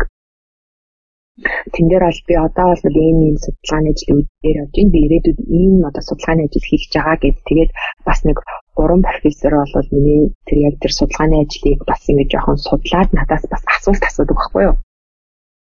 Тэр профессоруудын асуулт гэдэг бол бүр асар яг яг тэгтээ хоёрдугаар курсд бол бас бүр тийм амар гүнзгий нөгөө нэг асуухгүй яг дөнгөж эхэлж байгаа гэж бодоод бас хайрцан гайг асуудаг. Гэхдээ тэр профессорудаас ирж байгаа асуулт бүр оо вау л да нэр тийм ингэ бүр үнэхээр супер асуултуудыг асуудаг. Тэгээд яг тэрэн дээр болоод тэр ингэж нөгөө нэг intern presentation басны дараа бол бас хоёр хүнд бол based постэр based presentation гэдэг аваад өгдөг. Тэрний нэг нь би бас болцсон байсан. Тэгэл бас Японы нөгөө нэг ажигтлын холбооны хурлууд хуралд оролцоод анх анх удаа би нөгөө нэг ихтгэл тавьсан л да ханы ихтгэл. Гэхдээ над миний хувьд бодохоо би тийм аваад одоо тэгээ тийм чагнал гэдгийг мэдээгүй. Мэдээгүй зүгээр надад тэрэнд очиж тийм ингэж 200 идэхэн одоо юу гэдэг аа тийм ханы ихтгэлийг сонгодог байхгүй юу? Тэгээ сонгодог тэрний нэг нь бол сонгогдсон л надад амар гоё юмсан. Тэгээд би тэнд өөрийнхөө зургийг тавьсан, өөрийнхөө судалгааны ажил тэгээд тэрний өмнө гээд багштай зураг авах. Тэгээд тэнд чинь нөгөө нэг асуулт хариултын хэсэг гэж байгаа. А тэр хурал маань бол бүр 3 өдөр үргэлжлэх асар том хуралтай. Тэгээд асуулт хариултын бодлого гэж байгаа. Тэгэнгүүт чинь нөгөө нэг ойролцоо адилхан судалгааны ажил хийж байгаа хүмүүс болохоор айгүй ирж нэг нэгнийхээ аюул нэг нөгөө сонирхолж асуудаг. Адилхан судалгаа би бол илүү нөгөө ясны судалгаа хийдэг. Миний хувьд бол Тэгэхээр ингэж адилхан ясны судалгаа хийж байгаа хүмүүс маань ингэж нөгөө хайж очиж ингэж мэдмээр байгаа ч масмаар байгаа зүйлээ асуудаг. Тэгээд тэгснийхэн дараа бас нөгөө нэг тухайн юм шалгаруулах гэж явж байгаа хүмүүс болоод хүн болгонд чинь нөгөө асуулт асуудаг. Гэхдээ тэрийг бол нөгөө мэдхгүй. Одоо яг тухайн үед бол хин байсныг мэдхгүй надаас бол нэг хэдэн хүмүүс яг тухайд асуултсан. Тэгээд ингээд нөгөө хурлын сүүлийн өдөр болоод ингээд бэжсэн юм бас энд сураад ихтэй төгссөн л дөө. Бас нөгөө Монгол одоо бол доктор болчихсон юм чи маань надад хүй чи нөгөө нэг очиж построо ингээд шалгасан уу? Сая нөгөө нэг шилдэгүүдийг шалгаруулсан шүү дээ. 12 хүнийг л ингээд шалгаруулдаг. Тэгээд нэг шилдэг байхаар нь чиний пострыг чинь энэ улаан цэцэг хатсан байдаг гэхгүй юу? Тэгэхээр би аа энийг хэлэхгүй. Минийх тэгээд бах уу би чи ингээд дөнгөж 2 дугаар курстэй би дөнгөж анх удаа ингээд орж байгаа амар мундаг мундаг судалгааны ажлууд байсан шүү дээ гэл энэс нь юу чи амар сонь 50 би яа тий хоёул явж очиод үзье гэдгсэн чинь би тэрэнд шалгарсан байсан би бүр итгэхгүй өө гэл амар баярлсан. Тэгсэн чинь тэр маань өөрөө ингээд хасар том яг үнэтэй зүйл мэлээ. Тэгсэн чинь манай бүр супервайзер ирээд манай профессор ирээд надад баяр хүргээд цуг нөгөө зураг авахгүйла тэрнийхээ өмнө. Тэгэхгүй тэр цэцэг нь ингээд нөгөө хурлан тусч байгаа буцаагаад авчт юм байлээ л дээ. Тэгээд ирсэн тэгээд манай профессор бас надад баяр хүргэжсэн ингээд аа тий энэ жил бас ингээд тэгм маань бол тий тасралтгүй энийг бол ингээд жил болгон аваад нэг 5 6 жил болж байгааг голтон завсраагүй. Тэгээ энийг ингээд үргэлжлүүлж өгсөн нэг баярлаа гэд хэлсэн. Тэгээд ёо гэд нөө нэг л тухайд амар их баярлаа. Тэгээ дараа нь болоод Японы ажилтны холбооны ерөнхийлөгч болоод аа миний ингээд нөгөө нэг нэг шагнал одоо тэр сертификатыг явуулсан. Хараас нь явуулсан юм лээ. Тэгээ тэр бас надад маш үнцэнтэй байсан. Тэгээд одоо ийм ер нь ийм шагналуудад бас ийм тодорхой хэмжээний баг зэргийн хүн шагнал эсвэл ийм номын хүссэн ном авах эрх өдрөө өгдөг байхгүй юу. Тэгээ би яг тэрний ха шагналаа дагалдаж ирсэн мөнгөөр бажет таслихаа нэг нэлээд баг 300 долларын үнэтэй ном авахынсан гэл амар мөрөөдөл бодоод идэгсэн яг тэр номоо шүү дээ. Тий. Тэгэхээр юу яг эндээ явуулчлаа яг тэр анх ингэж тийм том ер нь ингэж нөгөө жижиг ч гэсэн тамч гэсэн хамаагүй ийм юм боломж л алдах юм бол оролцоод үзэх хэрэгтэй мөлий. Тэндээс өөрийнхөө мэдгүйнүүдийг айгүй харна бусдтай өөрийгөө харьцуулнаа би энийг ингэж жоохон хийсэн бол ийм байх гэсэн юм ингээд илүү ингээд туршлага судлаад байдаг. Тэгээ одоо ингээд нөгөө энэ зэнд хурал дэлгэр тавиал постэр идэр бэлтгээд анх нөгөө хоёрдугаар курс ингээд тавьж исэн хараад өөрийнхөө амар чамлалтай нэг аа ийм байсан биш үү одоо бол ийм болсон гэдэг юм уу. Тэгээд бид нар нөгөө нэг бас энэ дээр нэг юм хэлэхэд боломж гэж байгаа шүү дээ тий. Бид нар боломжийг нөгөө хий хоосон газраас хайгаад идэв юм лээ. Би тэрийг аяусаа ойлгосон боломж бол яг миний одоо зогсож байгаа цэг байхгүй юу? Яг л би энэ одоо зогсож байгаа цэг дээр би тэр боломжийг а бүрдүүлээд тэр цэгээс би боломжоо барьж авчаа дараагийн руу явна хийс биш. Дараагийн одоо тэр юу гэдэг Б юм уу те Б С одоо тэр яа дээр очиж би боломжийг тэнд байгаа юм шиг амар алсаас хүн хайгаад яваад идэм билээ те. Одоо юу гэдэг би ингээд хэрвээ Монголд идэг бодоод би нэг гадаадд сурчих юм бол би энэ лаг нөгөө нэг мундаг мэрэгчлэн болоод тэгээ илүү боломжтой болчих юм шиг санагдаад өнөөдөр одоо чиний хувьд өнөөдөр яг өнөө маргааш чи гадаадд сурах боломжгүй чи магадгүй төлөвлөж болно те тэр чинь нэг сарын дараа яж магадгүй нэг жилийн дараа магадгүй хоёр жилийн дараа эсвэл бүр ингээд азгүй тохиолдлоор бүтггүй жиж магадгүй. Тийм учраас хий хоосоо одоо яг биш байгаа байхгүй зүйл дээрээ боломж одоо юу гэдэг гадаадд очивол би ингээд халаад өгөх юм байна те ингээ мундаг болох юм байна. Одоо энэ мундаг болоод байгаа хүмүүс шиг болох юм байна гэж бодохгүй яг өөрийнхөө байгаа яг одоо тэр цогцож байгаа цэг дээрээ чи жоохон гэж төлрөө жоохон татгш өөрийгөө хараад тэгээ тэндээсээ чи боломжоо аваад гарцсан. Тэгээ олоод аваад барьсан хүн бол дараа дараагийн боломж гэж хараад байгаа зүйл чинь маа зөвхөн зүгээр л зам тэрнээс биш яг боломж бодлоо яг чиний зогсож байгаа цэгцэн шүү гэдгийг аюулсаа ойлгох. Аа би 100% санал нийлж байна. Тэгэхээр яг чиний яг энэ хэлсэн зүйлийг доогоор нь зураас татаад нэг ч үгийг солихгүйгээр эргээгээд хүмүүст яг тэр байдлаар хүргэхийг үнэхээр хүсэж байна. Аа би сая чиний нэг 3 минутын презентацийг чи ярихтаа гэсэн штэ хэр юу ингээл хүмүүс ингээл одоо зохион байгуулж байгаа хүмүүс нь дагуулж яваал за одоо энэ тайзан шүү энд ингэн шүү ингэ зогсон шүү гэл бүх юм ингээл ярьж яана гэл те тэгээд яг энийг сонссон чинь Япон улсын одоо соёл ч гэх юм уу те. Ер нь айгуудыг журамтай бүх юм яг нөгөө нарийн талаар ингэж явдаг гэж яг тэр нь л надад нөгөө амар бодогдож байгаа байхгүй.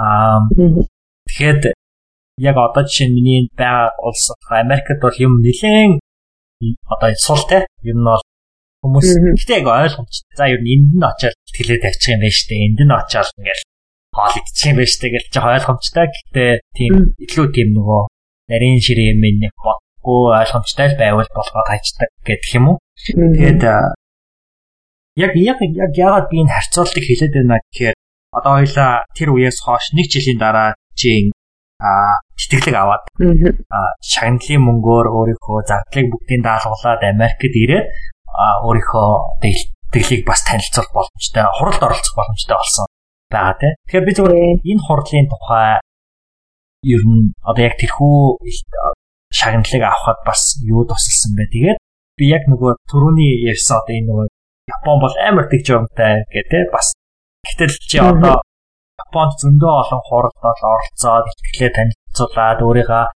судалгааны ажлыг танилцуулаад үзсэн хүн Америкт ирээд мэдэрсэн тэр мэдрэмж ялгаа нь магадгүй яг хаана огтлцжсэн бол гэж тэгэхээр би зүгээр бас одоо хой хүнийхээ жоохон үүднээ сонирхоод байна гэх юм уу. Тийм. Японд тий хурал яг Америкт ингээд очсон чинь амар өөр исэн. Одоо Япон бол аюу нөгөө бүх юм нь бас нөгөө ойлгомж илүү нөгөө детальны ахгүй юу?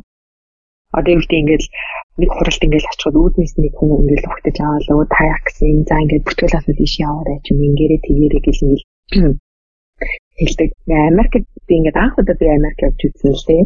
Хуралд оролцох гэж. Тэгэл ингээд явж үзэл ингээд очиомод ч яг ингээд амар том хоол байгаа хгүй юу? Ингээд A B C D гэл амар олон sectionтэй. Бүр нэлээд том байсан. Тэгэл тэрний чинь ингээд нэг жижигхэн C гэл section нь болж байгаа. Гэхдээ мэдээж ингээд амар том маш олон нөгөө нэг юм судалгааны ингээд ажил амар мундаг хүмүүс ингээд зэрэг зэрэг гэж өрөө өрөө ингээд хуралдаал тэгэл надад ингээд нөгөө нэг өөрийнхөө хэрэгтэй Японд болохоор юм бүр ингээд өмнө яг миний бас алдаа нөгөө би сайн нөгөө судлаагүй. Тэгээ Японд нөгөө хуралд ингээд оролцоод тэгэхээр өмнө нөгөө нэг аппликейшнууд ингээд татаад авчдаг байхгүй юу? Би миний хувьд л тэгээ би хэдийдээ цагаас хойш одоо юу гэдэг энэ хүний энэ хурал нэг ингээ ингээ ингээ оролцоо явуу гэдгийг ингээд аюул сайн тодорхойлцоод очдөг тэгээ би Америкт бол бас тэгж нөгөө тодорхойлоогүй. Байсан тэгэл очингууд нөгөө ингээд Япон шиг ч юм уу гэж бодоод очсон л байна гэдэг тэр миний аасаа Тэгэд ингээд би нөгөө нэг өрөөнүүдээ тэг болж байгаа нь лекц уншиж байгаа өрөөнүүд ингээд жоох алсгаад айгуу тийм юу гэсэн. Ингээд жоох ингээд цаг алдсан. Тэгэл очиод нөгөө бүртгэл бүртгэл нь хаана юм болоо гэж тэр чинь нөгөө юм хоолын 1 2 3 давхарт нэг зэрэг зэрэг бүх юм явж байгаа. Тэгээ тийм жоохон ажил хийсэн. Нэг баг зэрэг жоохон замбраагүй юм шиг санагдсан. Гэхдээ тэр нь их амар мууч биш үү. Зүгээр яг амьдраад тасчод бол тэр бол энгийн л ахал та. Аа би зүгээр Японоос ингээд ирж байгаа надын хувьд бол яг тийгэж харагдсан. Аа тэгээд тэр хурал гэхдээ нөгөө юм Америкийн ясны судалгаа хийдэг хурал байсан хгүй жил болгон зохиогддог. Тэрэнд өөрөө явна Японоос ингээд явна гэдэг маань бүр асар том нэр хүнд одоо хариуцлага. Одоо ерөөхдөө бол Японыг төлөөлөд очиж гин гэсэн болчихж байгаа шүү дээ баг. Тийм тийм. Одоо ингээд манайч энэ ингээд сургуулаас ингээд ясны судалгаа хийдэг хүн гэхэд эмчнэр гэхэд чинь тийм таван надтай нийлээ тавуулаа явж байгаа хгүй тэр чинь зөвхөн манайд нэсэж өөр өөр техникс нэг хийдэгтэй тэр хүмүүс чинь бас бүгд л одоо ер нь бол ингээд Японд бол би хэрвээ гадаад руу хурал явах гэж байгаа бол хизээч ингэж Монголд бид нар тэгдэж шүү дээ. Үндийн юм хурал алхах юм ингээд очичяал гэдэг чинь тий а Японд бол хизээч одоо би өөрийн өөрийнхөө хувийн одоо юу гэдэг судалгааны ажлаа би тэнд ихтгэл болгож тавих гэж тавихгүй л бол тэр хүмүүс угаасаа явахгүй. Яагаад гэвэл тэр чинь нөгөө нэг асар үнэтэй хуваасаа нөгөө мөнгө гаргах болно. А ихтгэл тавих юм бол юу гэдэг би нөгөө нэг ямар ч travel award ч юм apply хийгээд тэрэндээ тэмцэл ингээд явдаг ч юм уу процедуртай болохоор ингээд надаас явал ямар ч мөнгө авахгүй. Тийм ба. Тэгээд одоо тэгээд явахынхаа бол өмнө ингээд тэгэн дээр хоёр удаа ингэж бэлдэх хэрэгтэй байдаг заавал бэлтэн тэгээд буцаал нөгөө 30 хэд нөгөө техникийн баг хамт бол нөгөө хоёр удаа бол өөр хэлийг танилцуулна. Тэгээд тэр дундаас ч хүн болгон хэлнэ. Энэ юм биш үү? Нэгэ засаараа ингэрээ тэгээрээ хүн болгоны санааг аваад ингээд сайжруулаад сайжруулаад ингээд явдаг. Тэгээд би хурал явахын өмнө бол баг сарын өмнө эцсийн байдлаар яг нөгөө постро ингээд бэлдээд ингээд техникийн хажуудлын ханд наачдаг байхгүй юу? Тэгээд ингээ хүн болгон сандаа дээр нь дээр нь бичээд бичээд явчихдээ айгүй тэр нь айгүй аамаа. Тэгээд Гэхдээ надад бол бүр асар том а би хурал байсан. Миний бол оролцож хамгийн одоо би супер хурал гэж хэлэн. Тэгээд ер нь бол ингээд цаашдын яг судалгааны ажлынхаа юм карьерийг ч юм уу хөөгд явна явж байгаа хүмүүс одоо Америк гэдэг юм олон улсын шинж чанартай хурал оролцсон гэдэг манаас асар том давуу тал болж идэг. Одоо CV цаашдын CV-д дэмжигсэн. Энэ хүн бол яг үнэхээр нөгөө олон улсад тий олон улсын төвшнийг судлаач юм байна гэдэг нь өөрөө цаашаа бас батлах айгүй том боломж ахгүй юу. Тийм учраас бас айгүй артай тэр travel award аваад тэгэл явсан. Тэгээд надад бол асар том байсан. Тэгээд судалгааны ажлуудын хажууд нь би нөгөө нэг юм аман ихтэглүүд те oral presentation сумаар энэ тэгтэл нөгөө poster presentation нь бүр амар их тэгээд бүгд яг яс яг миний нөгөө нарийн судалгааны ажил учраас баг бүх постерыг нь хараад тэг хүн болгоноос нь очиж асуулт асуумаар юм. Тэгээд бас айгүй том даваа тал нь гэх юм бол хүн болгонд нэг юм нөгөө нэг цагийн энэ өдрүүдийн зооцсон, цагуудын зооцсон байдаг. Тэгээд би яг нөгөө пострыг хайгээд байгаа миний судалгааны ажлыг сонирхсан хүмүүс маань бол ирж надаас асуулт асуудаг байгаа. Тэгээд тэр үе бас айгүй хамгийн чухал. Хэрвээ чи дараа нь ингэж Америк руу ч юм уу гад өөр улс руу дахиад ингээ постог ер нь судалгааны ажиллаараа нарийсаж явах гэж байгаа бол тэр үед аюул сайн инженертэй танилцаж авдаг. Мундаг мундаг профессоруудтай танилцаж одоо international network аюул сайн тэлж өгдөг гэсэн. Тэгээ би бол тэнд бас Солонгосын надтай бас адилхан ойролцоо судалгаатай профессортай танилцсан. А тэгтээ яг тэр профессор ингээд над руу яг би ингээд мэйл бичээл үзсэн над руу хариулсан гэсэн тэгээд ингээд цаашдаа хэрэг зорилго чинь ингээд дахиад хийх юм бол одоо манай сургууль нийтдээ гэдэг тиймэрхүү бас санал тавьсан. Аа тэгээд бас Америкийн Вашингтон их сургуулийн бас профессортай холбогдсон байгаа. Тэгээ одоо ингээ хаяа мэйл бичдэг. Тэгэхээр бас энэ олон улсын гадаад руу явдаг хурлын бас хамгийн том даваа тал нь юм бол дараагийн нөгөө алтхан руугаа ойртоход аягүй чухал. Надад бол энэ бас би боломжийг одоо гэхдээ би цаашдаа яг одоо энэ нөгөө ковид 19 гэж байна шүү дээ. Энээс болоод яг сайн мэдэхгүй байна.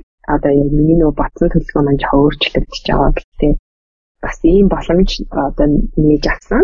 Тэгээд одоо дэлхий тийм одоо газар алган насрсан мундаг мундаг хүмүүстэй аа тэгэл танилцаад ярих бол бас надад амар юм. Тэгэл нөгөө нэг баг нөгөө миний мөрөөдлийн хүн болгоны мөрөөдлийн ингээ Harvard гэхээр амар хол идэг шиг тий. Тэгэхээр тэр сургуулийн судлаач яг миний хажууд тий бас ингээ илтгэл нэ гэсэн ингээ тэр хүнтэй би ингээ бас бас адилхан оёд ингээ ярилцаад энэ зогсчихсан тэр бол яг мөчтэй бүч алга ингээд нэг шинэ хүнтэй танилцаад нэг өөр орны хүмүүстэй танилцаад ярих тэр болгон бол маш гоё айгүй өөр мэдрэмж гэсэн айгүй шал өөр өөр ертөнц гэдэг шиг. Одоо цэнцэрний бас нэг өөр ертөнц рүү аялах юм бол би Google руу ороод цэнцэрэн хөрөл очир гэдэг Google Google тэгэхээр а юу гарч ирж байна гэхээр судалгааных нь ажилтай холбоотой Японы вебсайтаар бол гарч ирж байгаа тийм одоо ингээл танхимынхаа бусад гişүүдийнхээ хамт бас юу гарч ирж байна гэхээр а YouTube сувг нь гарч ирж байна, Instagram нь гарч ирж байна. За тэгээд эднийг үзэх юм бол яг мэрэгчлийнхаа хүрээнд гэхдээ бас яг нөгөө мань мэдээ ойлгогдохоор ингээд бичсэн, ойлгогдохоор ингээд тайлбарлалцсан тийм контент контентыг би олж бас харах боломжтой. Энэ яг цэцэрэнгийн бас нэг өөр ертөнц байгаа юм болоо гэж би бодож байна л да. Тэгээд зүгээр одоо хоёулаа за чи бол амар завгүй шүү дээ. Олноо л те. Олноо чи амар завгүй ах хэвээр Ой гэдэг. Одоо би олыг тэгэж харах байхаа. Гэтэл энэ их завгүй цаг цагийн хажуугаар бас хүмүүст ингээд үнцэн үг сонголтыг юу яагаад хийсэн бэ? Аа за энэ бол бүр юм байсан. Би ингээд оюутан байхад манай нэг шүтний сургууль маань 32-ын тойрогтод ингээд гэр хороол донд байдаг гэсэн баггүй юу? Тэгээ гэр хороол донд байдаг. Тэнгүүд чинь бид нар ингээд өглөө болгон сургууль руугаа явна ш явна. А тэнд бол би 3 дугаар курсээс төгсөх хүртлээ тэгээ дараа нь нарийн мэрэгчлээ эзэмших хүртлээ бол баг 5 6 жил байсан тэр сургуультай. Тэгэл ингээд яг хөө тэнцэж хаяа би ингээд автобусаар очино машинаар явах юм тиймэрхүү үйл гардаг. За ингээд автобусын цулаа хэд би нөгөө автобусны буудлаас сургууль руугаа нэг хэдэн минут ингээд алхана өглөө болгон машинаар орлоо гэхэд манай сургуулиас нэг гэр хороолтонд очиад яг төв замаас орж чаддгүй ингээд гэр хорооллын гудамжийг тойрч ордог гэсэн баггүй юу. Тэгээд тэнгууд ч яг тэр нөгөө машинаар ордог хэсгийн яг тэр ойролцоо нэг юм хүүхдүүд сургууль байдаг 10 жилээ хүүхдүүд ингээд сургуультай явдаг юм зам байдаг. Тэгэл нөгөө өвөл тэр 32-ын тойр гэдэг чинь амар утаатай гэсэн байхгүй юу? Бараг өмнөх машинаа чарчдаг. Тэгэл би тухайд ингээд хүүхдүүдийг харсан чинь тэр тэр хүүхдүүд чинь ингээд нөгөө эмээх настай зүгээр ингээд ад жаргалтай эмээх юу ч ингэж нөгөө бодод санах юмгүй. Зүгээр ингээд ад жаргал мэдрэх нас байтал тэр хүмүүсээс надад аюу яагаад тийм жоохон гонэг ч юм уу тийм ингэж харагддаг байсан байхгүй юу. Одоо ингээд би өөрийнхөө нэг өглөө алган сургуульд явдаг байсныг бодоход ингээд амар инээгээл тэг өө найз туулсан нэг тэр хүмүүсийн цаанаас нэг юм амар юм нэмсгэл тадраагүй ч юм нэг гонигтай юм шиг аюу тийм олон би юм хүмүүсийн царайг харж байсан. Тэгээд тухайд би яг ингээд өөрийнхөө дотор миний яг батсан юм бол аа би болол ингээд одоо мундаг зүрхийн нөхдөдөд ирээд туслахгүй ч гэсэн би бол нэгнийхээ хариуцлагын хүрээнд хүүхдүүдэд чиглэсэн юмыг би заавал хийх хэрэгтэй байна. Өөрийнхөө мэрэгчлэлтэй холбоотой гэж аа би яг тухайд яг тийм амар хүн сэтгэлийг өөртөө суулгаж байсан. Тэгээд яг би ингэж бодоод явдаг гэсэн л та. Тэгээд аз би нөгөө оюутан болоод нарийн мэрэгчлэрээ суралцахын хажуугаар би бас юм шүдний эмнэлэгт ажилладаг байсан. Хуур мэрэгчлэр тэгээд тэр үед бол нөгөө тухайн эмнэлэг манаас айгүй хариуцлагатай эмнэлэг гэсэн хүүхдүүд юм цэцэрлэг болон 10 жилийн сургуулийн хүүхдүүд очиж шүдийг ингээл үзэж өгдөг гэсэн өнгөө үзэл зөвлөгөө өгөөл хэсэг юм биш үү тийм биш үү гэж хэлдэг. Би бүр тэрэндээ ингээ явах бүр амар туртай бүр ингээл хамаагүй миний ингээл өдөр бишсэн ч гэсэн хамаагүй ганцаар хийсэн ч хамаагүй баг ингээд сүулт ингээл яриа л хар хүн ингээд нөгөө усч уух завгүй амар. Одоо баг нэг ангиж чам 50 60 хүүхд байгаа байхгүй юу? Тэгэл би нэг овоо ид хүүхд ингээл нэг өдөр үдээ тусахчмаар ангад сүултээ бүр ингээд хоолоор ингээд тусаарч чадахгүй хатдаг байхгүй яриацаараа баг ингээд бицээр хагаад гар татчих өвддөг баг юм орой гэртээ харин хуруу татчих чам чи гэж. Тэгээд тэгэл би за Тэгэл би яг тэр нөгөө 32-ын тариг нас юу гэж харсан байх хэрэг энэ бүхэлдээ бидний орхигдсон ирээдүй те ингээ орхигдсон нийгэм байгаа юм байна гэдгийг харсан. Тэгэл тухайн хүн болгон яа мэдээж гэж гэр оролт ингээд очиад тэднэртэй нүүр тулаад ингээд уулзаад ах боломжгүй шүү дээ. Тэгээ хүн болгонтай завгаа. Тэгээд за миний бол хийх юм бол заавал би өөрийнхөө ингээ мэрэгжлийн өөрийнхөө салбарын буцаж ингэж нийгэмлэг чиглэсэн юм хийх хэрэгтэй мэн гэж бодож байгаа. Тэгээд би нэг өдөр ингээд сууж яагаад бодсон байхгүй яа тэгвэл би нэг юм одоо насан турсан хүн одоо шүдэн цаарсан ч юм уу амны арчилгаа муу байх бол тэр хүний угаасаа өөрийнх нь сонголт учраас би бол тэрнийг эмзэг хүлээж авдаггүй.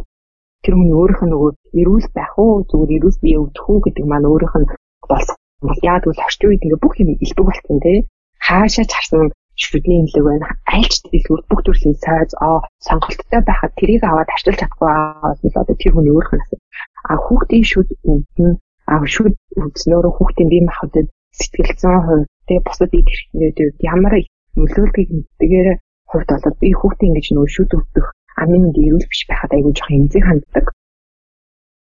Энийг бол би эцэг нөгөө нэг хариуцлагагүй асуудал гэж хардаг учраас би бас энэ дээр айгүй ингэж дуурмаар санагдаад идэгсэн. Тэгээд би нэг өдөр ингэж бодоод ер нь юу л зүгээр юм бэ Монголд очиод гэж бодчихсон аа. Яагаад тэг би ингэж Монголд очих хүлээгээд байгаа юм те? Одоо хүлээгээд байгаа гэж бодсон. Нэг хоёрт гэх юм бол би одоо хэдий надад энэ мөрөөдөл хүсэл байсан ч гэсэн би Монголд очсон ч гэсэн би бүх хүмүүсийн шүдийг би ганцаар хэмжиж чадахгүй шүү дээ. Угаас боломжгүй байхгүй юу? Бүх хүүхдийн шүдийг би ганцаархан эмчилэх боломжгүй. Тийм учраас яг нийгэмд бол эрүүл мэндийн боловсрал, шүдний эрүүл мэндийн боловсрал гэж аягүй дутуу байгаа юм байна гэж бодоод тэгээд за за ингэ намайг хүн үзсэн чамаагүй үзээгүй ч хийсэн хамаагүй яа тийм ингээд тийм YouTube нэг өдөр зүгээр л сууж тийм класс бол хийсэн. Эхлээл тийм видеогоо ингэж хийсэн. Тэгээд видео хийснийхаа дараа ингээд YouTube сугаа нэгээд тэгээд яаж одоо баг атлуу тийх үгээ сураад сураад яваад тэгээд нэг 2 или 3 хоногийн дараа нэг хэд өдөр асуулж байгаа тэгээд хамгийн анхны бичлэгээ тавьсан.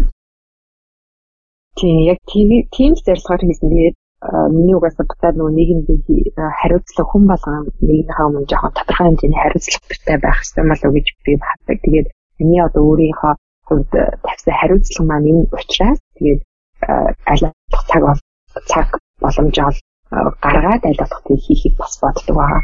Яг энэ подкастын хүрээнд би хамгийн сүүлд асуухыг хүсэж байгаа нэг асуулт байна л да. Энэ асуултыг л асуухгүй бол хайран санагдах ба. Аа. Өөрөө чи хэлсэн нэг үг байна штэ. Боломж бол яг миний одоо зогсож байгаа зэг гэдэг. Тэгээд өнөөдрийн хоёулагийн ярилцсан сэдвүүдийн тухай би ингээ эргээд харах юм бол одоо жишээ нь яг саяны дурдсан энэ гэр орооллын энэ байдлыг хараад дурдсан дүгнэлт болох энэ бол орхигдсон нийгэм байна гэдэг дүгнэлттэй.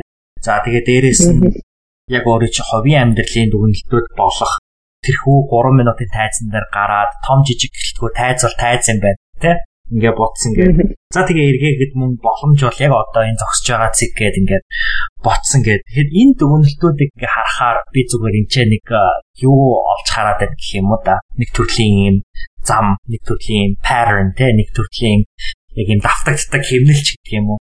Тэгэхээр яг одоо цэнцүрний хувьд амьдралынхаа ямар ч үед байгаагаас үл хамааран тэр үедээ төр зургийн пауз аваад байгаа нөгөө мэдээж хэрэг ухаан ямар нэгэн боломжуудыг хүн олж авахын тулд төр зүрийн паузаараа иргэн тойрноо ажих хэрэгтэй болно те. Тэгэхээр өөрөөр хэлбэл бодох хэрэгтэй болно. Тэгэхээр сенсорны хувьд яг энэ хүү бодох процесс хэрхэн өрнөдөг вэ? Бодохын тулд одоо бид нар бол бодож гин гэж бодоод өдөр хоногуудыг зүгээр л өнгөрүүлээд байдаг. Тэгэл яг өөрийн чинь хувьд магадгүй арай ундаа алхам авдаг байж магадгүй гэж би зүгээр бодоод байл. Яг тэр энэ дүгнэлтүүд одоо амархан хүрмээргүй юм санагдаад байгаа байхгүй. Яг яг энэ дүгнэлтүүд хийн тул яг одоо өөрийгөө байгаа байр байдлыг дүгнэхийн тул ямар алхмуудыг авдаг вэ гэж л асуухыг хүсэж байна. Аа хүмүүс гэхдээ аягүй сонир санагдаж магадгүй би ганцаараа хат өөртөө аягүй их ярьдаг. Өөрийн жоохноос тийм байсан. Тэг яг яриад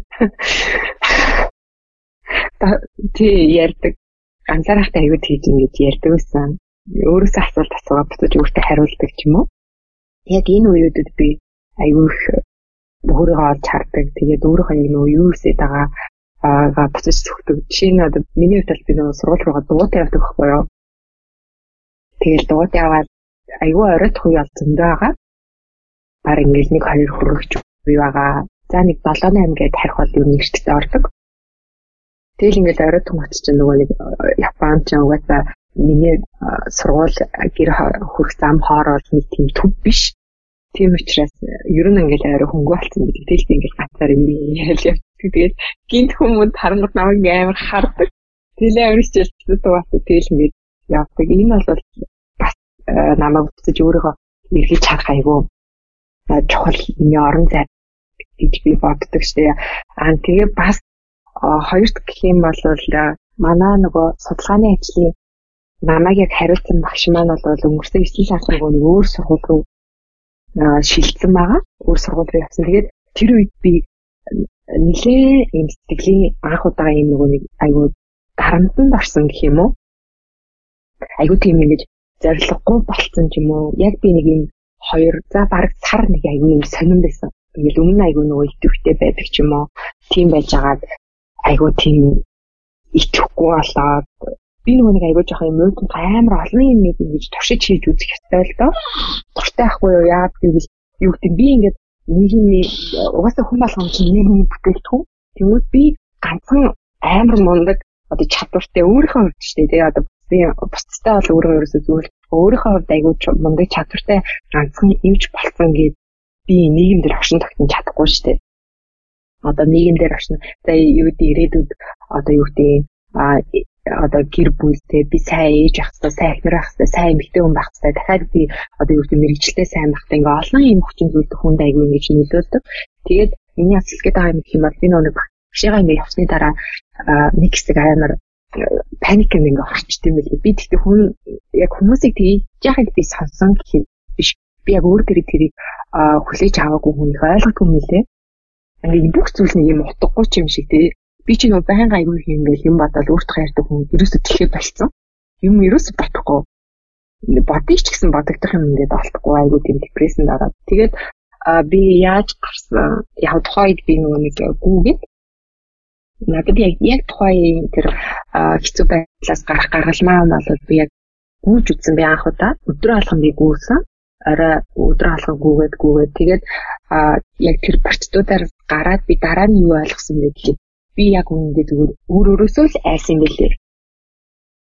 Нөө бид нар ингэ мэддэггүй юм байлээ л тэгээ. Тэгээд би нөгөө өөрөөсөө айсан би өөрийнхөө нөгөө ганцаараа судалгааны ажлаа цаашаа үргэлжлүүлэх гэхээс би өөртөө ихийг өөрөөсөө айсан байсан. Тэгээ би тэрийг олж мэдээд тэгээд буцаад би нөгөө яг буцаад нөгөө хэвэндээ ингэж орсон. Гэхдээ би хэвэндээ орохдоо айгүй олон шин нэмээд сурсан. Тэгээд өмнө нь тэрхий нөгөө өөрийгөө чөлөө цаг өгөхгүй яг мэдээж миний хувьд бол энэ одоо PhD сурах маань бол миний амьдралын нэг хамгийн сүүлийн урт хугацаагаар сурах аялал маань баггүй юу 4 жил а мэдээж юм ч хүн бол тасралтгүй сурах ёстой. Гэхдээ би энэний дараа болоод би а яг 4 жилийг сурах зорилгоо болохгүй илүү одоо нөгөө мэрэгжлээ хийхийнхаа хажуугаар богино хугацааны сургалтуудад ч юм уу те олон улсын хурлуудад ингээ оролцоод явах гэж бол харж байгаа. Тэгэхээр би нөгөө нэг энэ яг сурах 4 жилээ бол айгүй сурах дээрээ төвлөрье гэдэг өмнө нь нэлээ ингэж өөрөө шахдаг байж байгаад яг би нөгөө а би найзсаа болоод ингэсэн мэн гэдгийг олж мэдсэний дараа болоод би бас хаяа өөртөө нөгөө амралт ч юм уу те одоо нэг тийм юмнуудыг боломжууд аюух алддаг байсан. Тэгээ би өмнө нөгөө нэг юу гэдэг нэг хасаа өдөр очиж сургууль дээр очиж юм хийхгүй зүгээр өнгөрөөцөндөө өөртөө айгу гимшдэг өөрөө жоох ингээ буруутгадаг хийсэн л да дотроо. Гэхдээ юу гэдэг хүн байнга сураал ингээл байнга сураал байнга өөрийгөө шахаал байнга ингээл юм амар сайн хийх гээд байх нь байхыг бол би өмнө нөгөө нэг юм юу гэж хардаг байсан байхгүй юу? Бүтээмж гэж хардаг байсан. А тэгсэн чинь одоо бол би яг байгаа цаг үедээ би нэг аюугаа кинод мөрөөл тэрийг яг нэг төвлөрч үзэх юм уу те. Магадгүй одоо юу гэдэг инженеэр ихлэхэд нэг гоо ингэж нөгөө нэг нүрээ ч юм эмхтэн хүн талаас ингэж аюугаа нүрээ арчлах ч юм уу ингээ арсаа арчлаад зориулж байгаа тэр цаг чинь ч гэсэн өөрөө бүтээмж юм байна гэдгийг бас аюу сайн ойлгож авсан. Тэгэхээр бид нар нөгөө бүтээмж гэдэг шин юм сурах гэдгийг бүр аюу томоор л хараад идэв юм лээ. Тэгтэл нөгөө амьдралын өдөр тутмын жижигэн жижиг өөрчлөлтүүд өөрөө бид нарт бүтээмж болоод шин юм болж идэв юм лээ. Тэгээд бас нэг юм гэх юм бол би яг байнга ингэж тэмдэглэл хөтлөхгүй. Гэхдээ би хаяа нэг тэмдэглэл хөтлөхдөө өөрийнхөө өнгөрсөн сурсан жижигч гэлтгүй шин сурсан зүйлүүдэд бичдэг болсон. А тэгэхгүй бол хүн нөгөө нэг үнэндээ бол мартчихдаг юм байл айгүй амархан мартдаг. Тэгэл юу гэдэг би баг ингээл амар нуу судалгааны ажил маань хаяа бүтэхгүй дээ амар готор тогтраал яна бистэй нэг юм зүйл ингээл явж байхдаа ингээл бичээл юм те би өнгөрсөн жил нэрээ одоо юу гэдэг ингээл оролцсон хурлуудаа ч юм уу ах зэрэг авсан шагналууд юм уу жоохон амжилтаар бичгээд өөнөр бичиж ингэж штэ. Яг хэрэг миний судалгааны ажил би ингээд бүтггүй байсан бол би яг авахгүйсэн шүү дээ гээд тийм эргэх харах бас боломж байна. Тийм л байгаа юм нэг. Тийм амар хатгай юм гарах. Гэхдээ би нэрээ үнэхээр баярлаа гэж хэлмээр нь би бас л түрүүн хэлжсэн чил яг энийг яг л байгаагаар нь дахин дахин бас яг хүмүүс илүү олон хүмүүс энийг ойлгосоо гэж маш хүсэж байна. Тэгэхээр яг өөрийн чинь туршлагаас харахад бол яг чиний хэлсэн нэг үг л надад амар үлдэх юм шиг байна энэ ярианаас. Тэр орон зай тий өөртөө орон зай гаргах хэрэгтэй гэх тэгээд чи бас өөртөө тэр орон зайг өгчээсэн учраас өнөөдөр хоёулаа ч гэсэн яг энэ ярилцах боломж би гарч ирсэн болов гэж би бодож байна.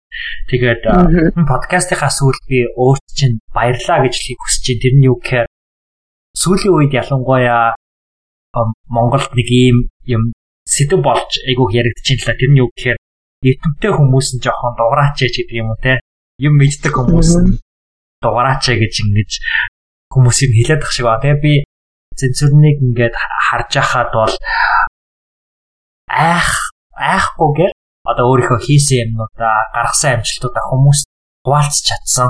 Тэгээд би энийг бол зориг гэж харддаг хгүй юу. Яа тэгэхээр зарим хүмүүс энэ одоо өөрийгөө ингээд дүгийлэхэд байна гэж хардаг те. Гэтэл өнөөдөр цензурын ингээд өөрийнхөө амжилтуудыг яг одоо надтай ингэж хуваалцж байгаа энэ ингэж хуваалцж байгаа зүйл нь өөрөө түүх түүх штэ эцээ эцэд бол те энэ түүх нь бол яг одоо цензурны артлт байгаа энэ олон ухаарл энэ олон дүгнэлтүүд хүрэж байгаа учраас би энд чинь маш их баярлаа хизэж битгий өөрийнхөө түүхийг хүмүүстэй хуваалцаад зогсоогоорой гэж үнэхээр хүсэж байна. Аа тэгээ эцэст нь би сонсогч нараа цензурнтэй холбогдоосоо гэж хүсэж байна. Тийм учраас бол яг энэ сүүлчийн энэ подкастын энэ нэвтрүүлгийн хамгийн сүүлчийн орон зайг чамд өгөөд чамтай цаашдаа хүмүүс хэрхэн холбогдох уу? А хэрхэн өөрөө чинь олох уу? Хэрхэн өөрөө чи одоо энэ контентуудыг бас хүлээж авах уу? Бас мөн өөрөө чи судалгааны ажлыг бас яаж олох уу? Тэ яаж талаар илүү магадгүй ажил адил мэрэгчлээ адил сонирхолтой хүмүүс мэдчих авах боломжтой вэ гэж хүмүүс бас мэдээсэй гэж хүсэж байна. Тэгээд баярлалаа. Аа маш их баярлалаа намайг суурьж оролцуулсан. Тийм. Аа тэгээд аа ер нь надтай ингээд инстаграмаар аа ингэж нөгөө асуух юм бол би айгүй чөлөөтэй хариулахыг ер нь боддог. Арай итгэвчтэй. Тэгээд би бол нэг юм жилийн өмнө бол бас ийм одоо сошиал медиаг бол нэг тийм хартангуй идэвхтэй ажил ашигладаг бол байгаагүй л дээ. Тэгээд ашиглахгүй байж байгаа яг би нөгөө юм боломж бол яг одоо миний байгаа цэгэн байна гэж төрөлсөн шүү дээ тий. Энийг нөгөө ойлгосныхаа дараа би илүү идэвхтэй ашиглахыг хүссэн. Яг гэх юм бол айгүй олон хүмүүс хэрэгтэй тий мэдээлэл хэрэгтэй байгаа. А энэ бол зүгээр миний л одоо цензурын гэдэг миний мэдсэн сурсан зүйлээ ч юм уу мэддэг жоохон зүйлээ би бусдад бол хүрэхийг хүссэн. Яг гэвэл энэ дотор хин нэг юм ч юм уу бас хэрэгтэй мэдээлэл ингэж нөгөө олж авч магадгүй. А тэр утгаар нь би бас ингэж нөгөө бай хийтэй ингэж бас ийм ийм боломж гэж харна. Яг тэгвэл би бол нэг одоо юу гэдэг мундаг сөрхий гоцгойд хүмүүстээр ингийн л нэг одоо сураал өөрийнхөө өмнө тэ өөрийнхөө мэрэгчлийг сонгосон тэр мэрэгчлээ бол илүү ингэж өөрийнхөө тэр мэрэгчлэр илүү нарийнс гад ингэ сурж байгаа зүгээр л нэг хүн эмгтэй ч юм уу те нэг эмч аа тэгэхэд юу гэдэг өөрийгөө хитрхи бас би энгийн надад онцгойрох зүйл байхгүй гэж бодоод ингэж хойш нь ингэж өөрийгөө тавьдаг бас аюул олон хүмүүс байдаг юм гэж би анзаарсан. Юу гэдэг надад боломж ахгүй одоо юу гэдэг хүмүүс бас ингэж боломж балдаг аюул их нөгөө санхүүтэй ч юм уу шууд мөнгөтэй аюул холбоод идэг. А тийм юусоо биш ээ. Эхлээд эхлээд ингэж тавьсан байхад мөнгө гэдэг зүйл чинь ингээ дараа нь гэж болд юм аа тий. Одоо юу гэдэг нь ямар нэгэн байдлаар тэтгэлэг ч юм уу заавал чи тэр нөгөө автгацсан лах юм бол яг тэр нөгөө санхүүгийн асуудал гадаад сурахад болдог санхүүгийн асуудал эдгэрчин бол дагалдах хүчин зүйл шүү. Ерөөсөө гол хүчин зүйл биш. А хүмүүс тэрийг болохоор гол хүчин зүйл гэж хараад айгүй их нөгөө ухраад идэг. Тэгээд би бас бити тгээсээ надаас бас ингээд чөлөөтэй яаж сурдаг ч юм уу те ямар ямар боломж байгаа гэж хүмүүс хэрвээ асуумаар байвал Instagram дээр надаас ингээд чөлөөтэй асууж байсан. Би нэг ч гэсэн хүн өөрийнхөө мэддгийг хуваалцахтаа бол маш баяртай ах болно. Тэгээд Skeleton podcast бол миний хамгийн сонсох дуртай подкастууд энийг. Яагаад гэвэл миний тийм миний үед ингээд нөгөө лабораторитой ингээд ганцаараа суугаад судалгааны ажлаа хийх цаг аягүй аягүй урт хугацаанд хийх шаардлага гардаг. Тэр үед бол би заавал ямарваа нэгэн подкаст сонсож хийх дуртай. Тийм дийдий илүү би нөгөө аягүй сайн төвлөрдөг, аягүй гоё байдаг. Намайг аягүй ингэж нөгөө амрааж өгдөг. Аягүй олон цаг ажилласан ч гэсэн ингээд подкаст сонсоод хэрэгтэй зүйлүүдээ сонсоод ингээд юмаа хийх хооронд бол аягүй тийм нөгөө цаг амар хурдан өнгөрдөг. Тэгээд ингээд дуртай юмаа ингээд дуртай юмаа сонсож, тийм дуртай юмаа хийж байгаа болохоор айгүй надад хайп байдаг. Тийм тэгээд бас энэ өөрийнхөө тийм бичсэн түүхийг ингээд подкастын, скетэн подкастын сонсогч нартай тэгээ хуваах хэлцэх боломжийг бас олгосон цагт бэлгүүн дайртай бүр маш их баярлалаа гэж хэлмээрээ. Баярлалаа. Өөрөө чинь манай подкастыг сонсдог гэдэг энийг сонсоход үнэхээр бас нэр төрийн хэрэг. Аа тэгээд тийм учраас чамд өөрт чинь баярлалаа. Instagram хаяг болон YouTube хаяг тэрийнхаа нэр нь юу вэ? А Instagram гэх юм бол цэнцүрэн а цэг буюу dot ph гэж байгаа. А YouTube дээр бол цэнцүрэн хүрэл ачир гэдэг шиг байгаа. Сүүлд нь ганц юм нэмээд асуучихад а бас нэг подкастын нэг дугаар гаргасан байгаа те Dental Update podcast гэдэг. Тэгэхээр энэ цаашаа үргэлжлэх үү?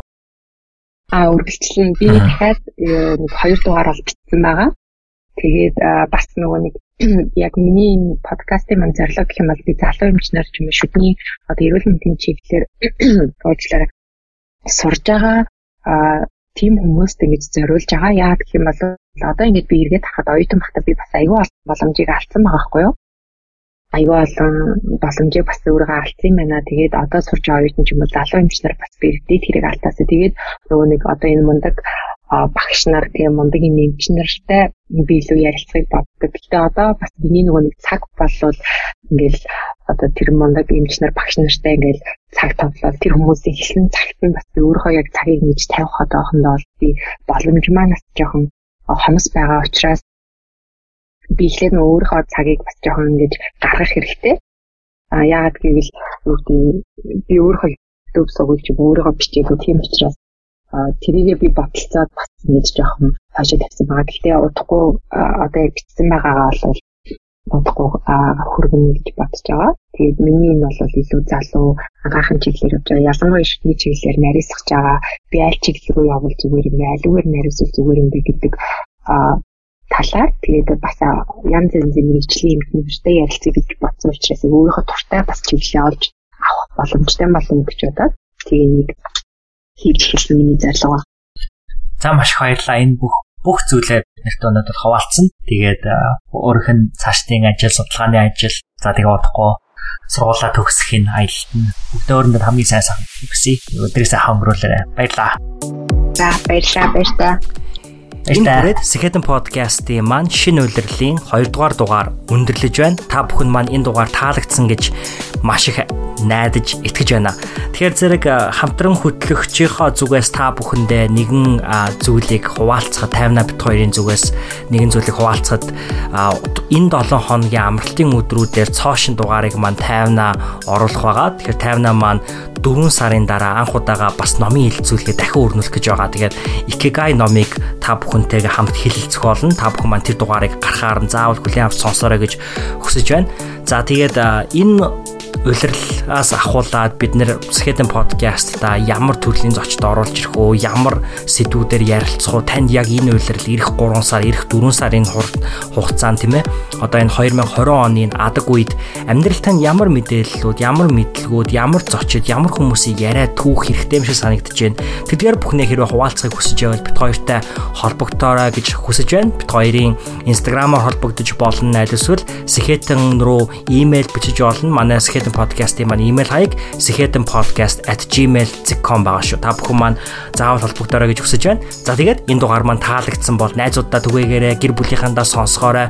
Найзуудаа Skeleton podcast эргээд улирлаа эхлүүлсэн шүү гэж сануулж хэлээрэй. Тэгээд дараагийнх дараа дараагийнхаа гой гой дугааруудаар эргээд хамтдаа уулзцгаая. Баярлалаа, баяр таа.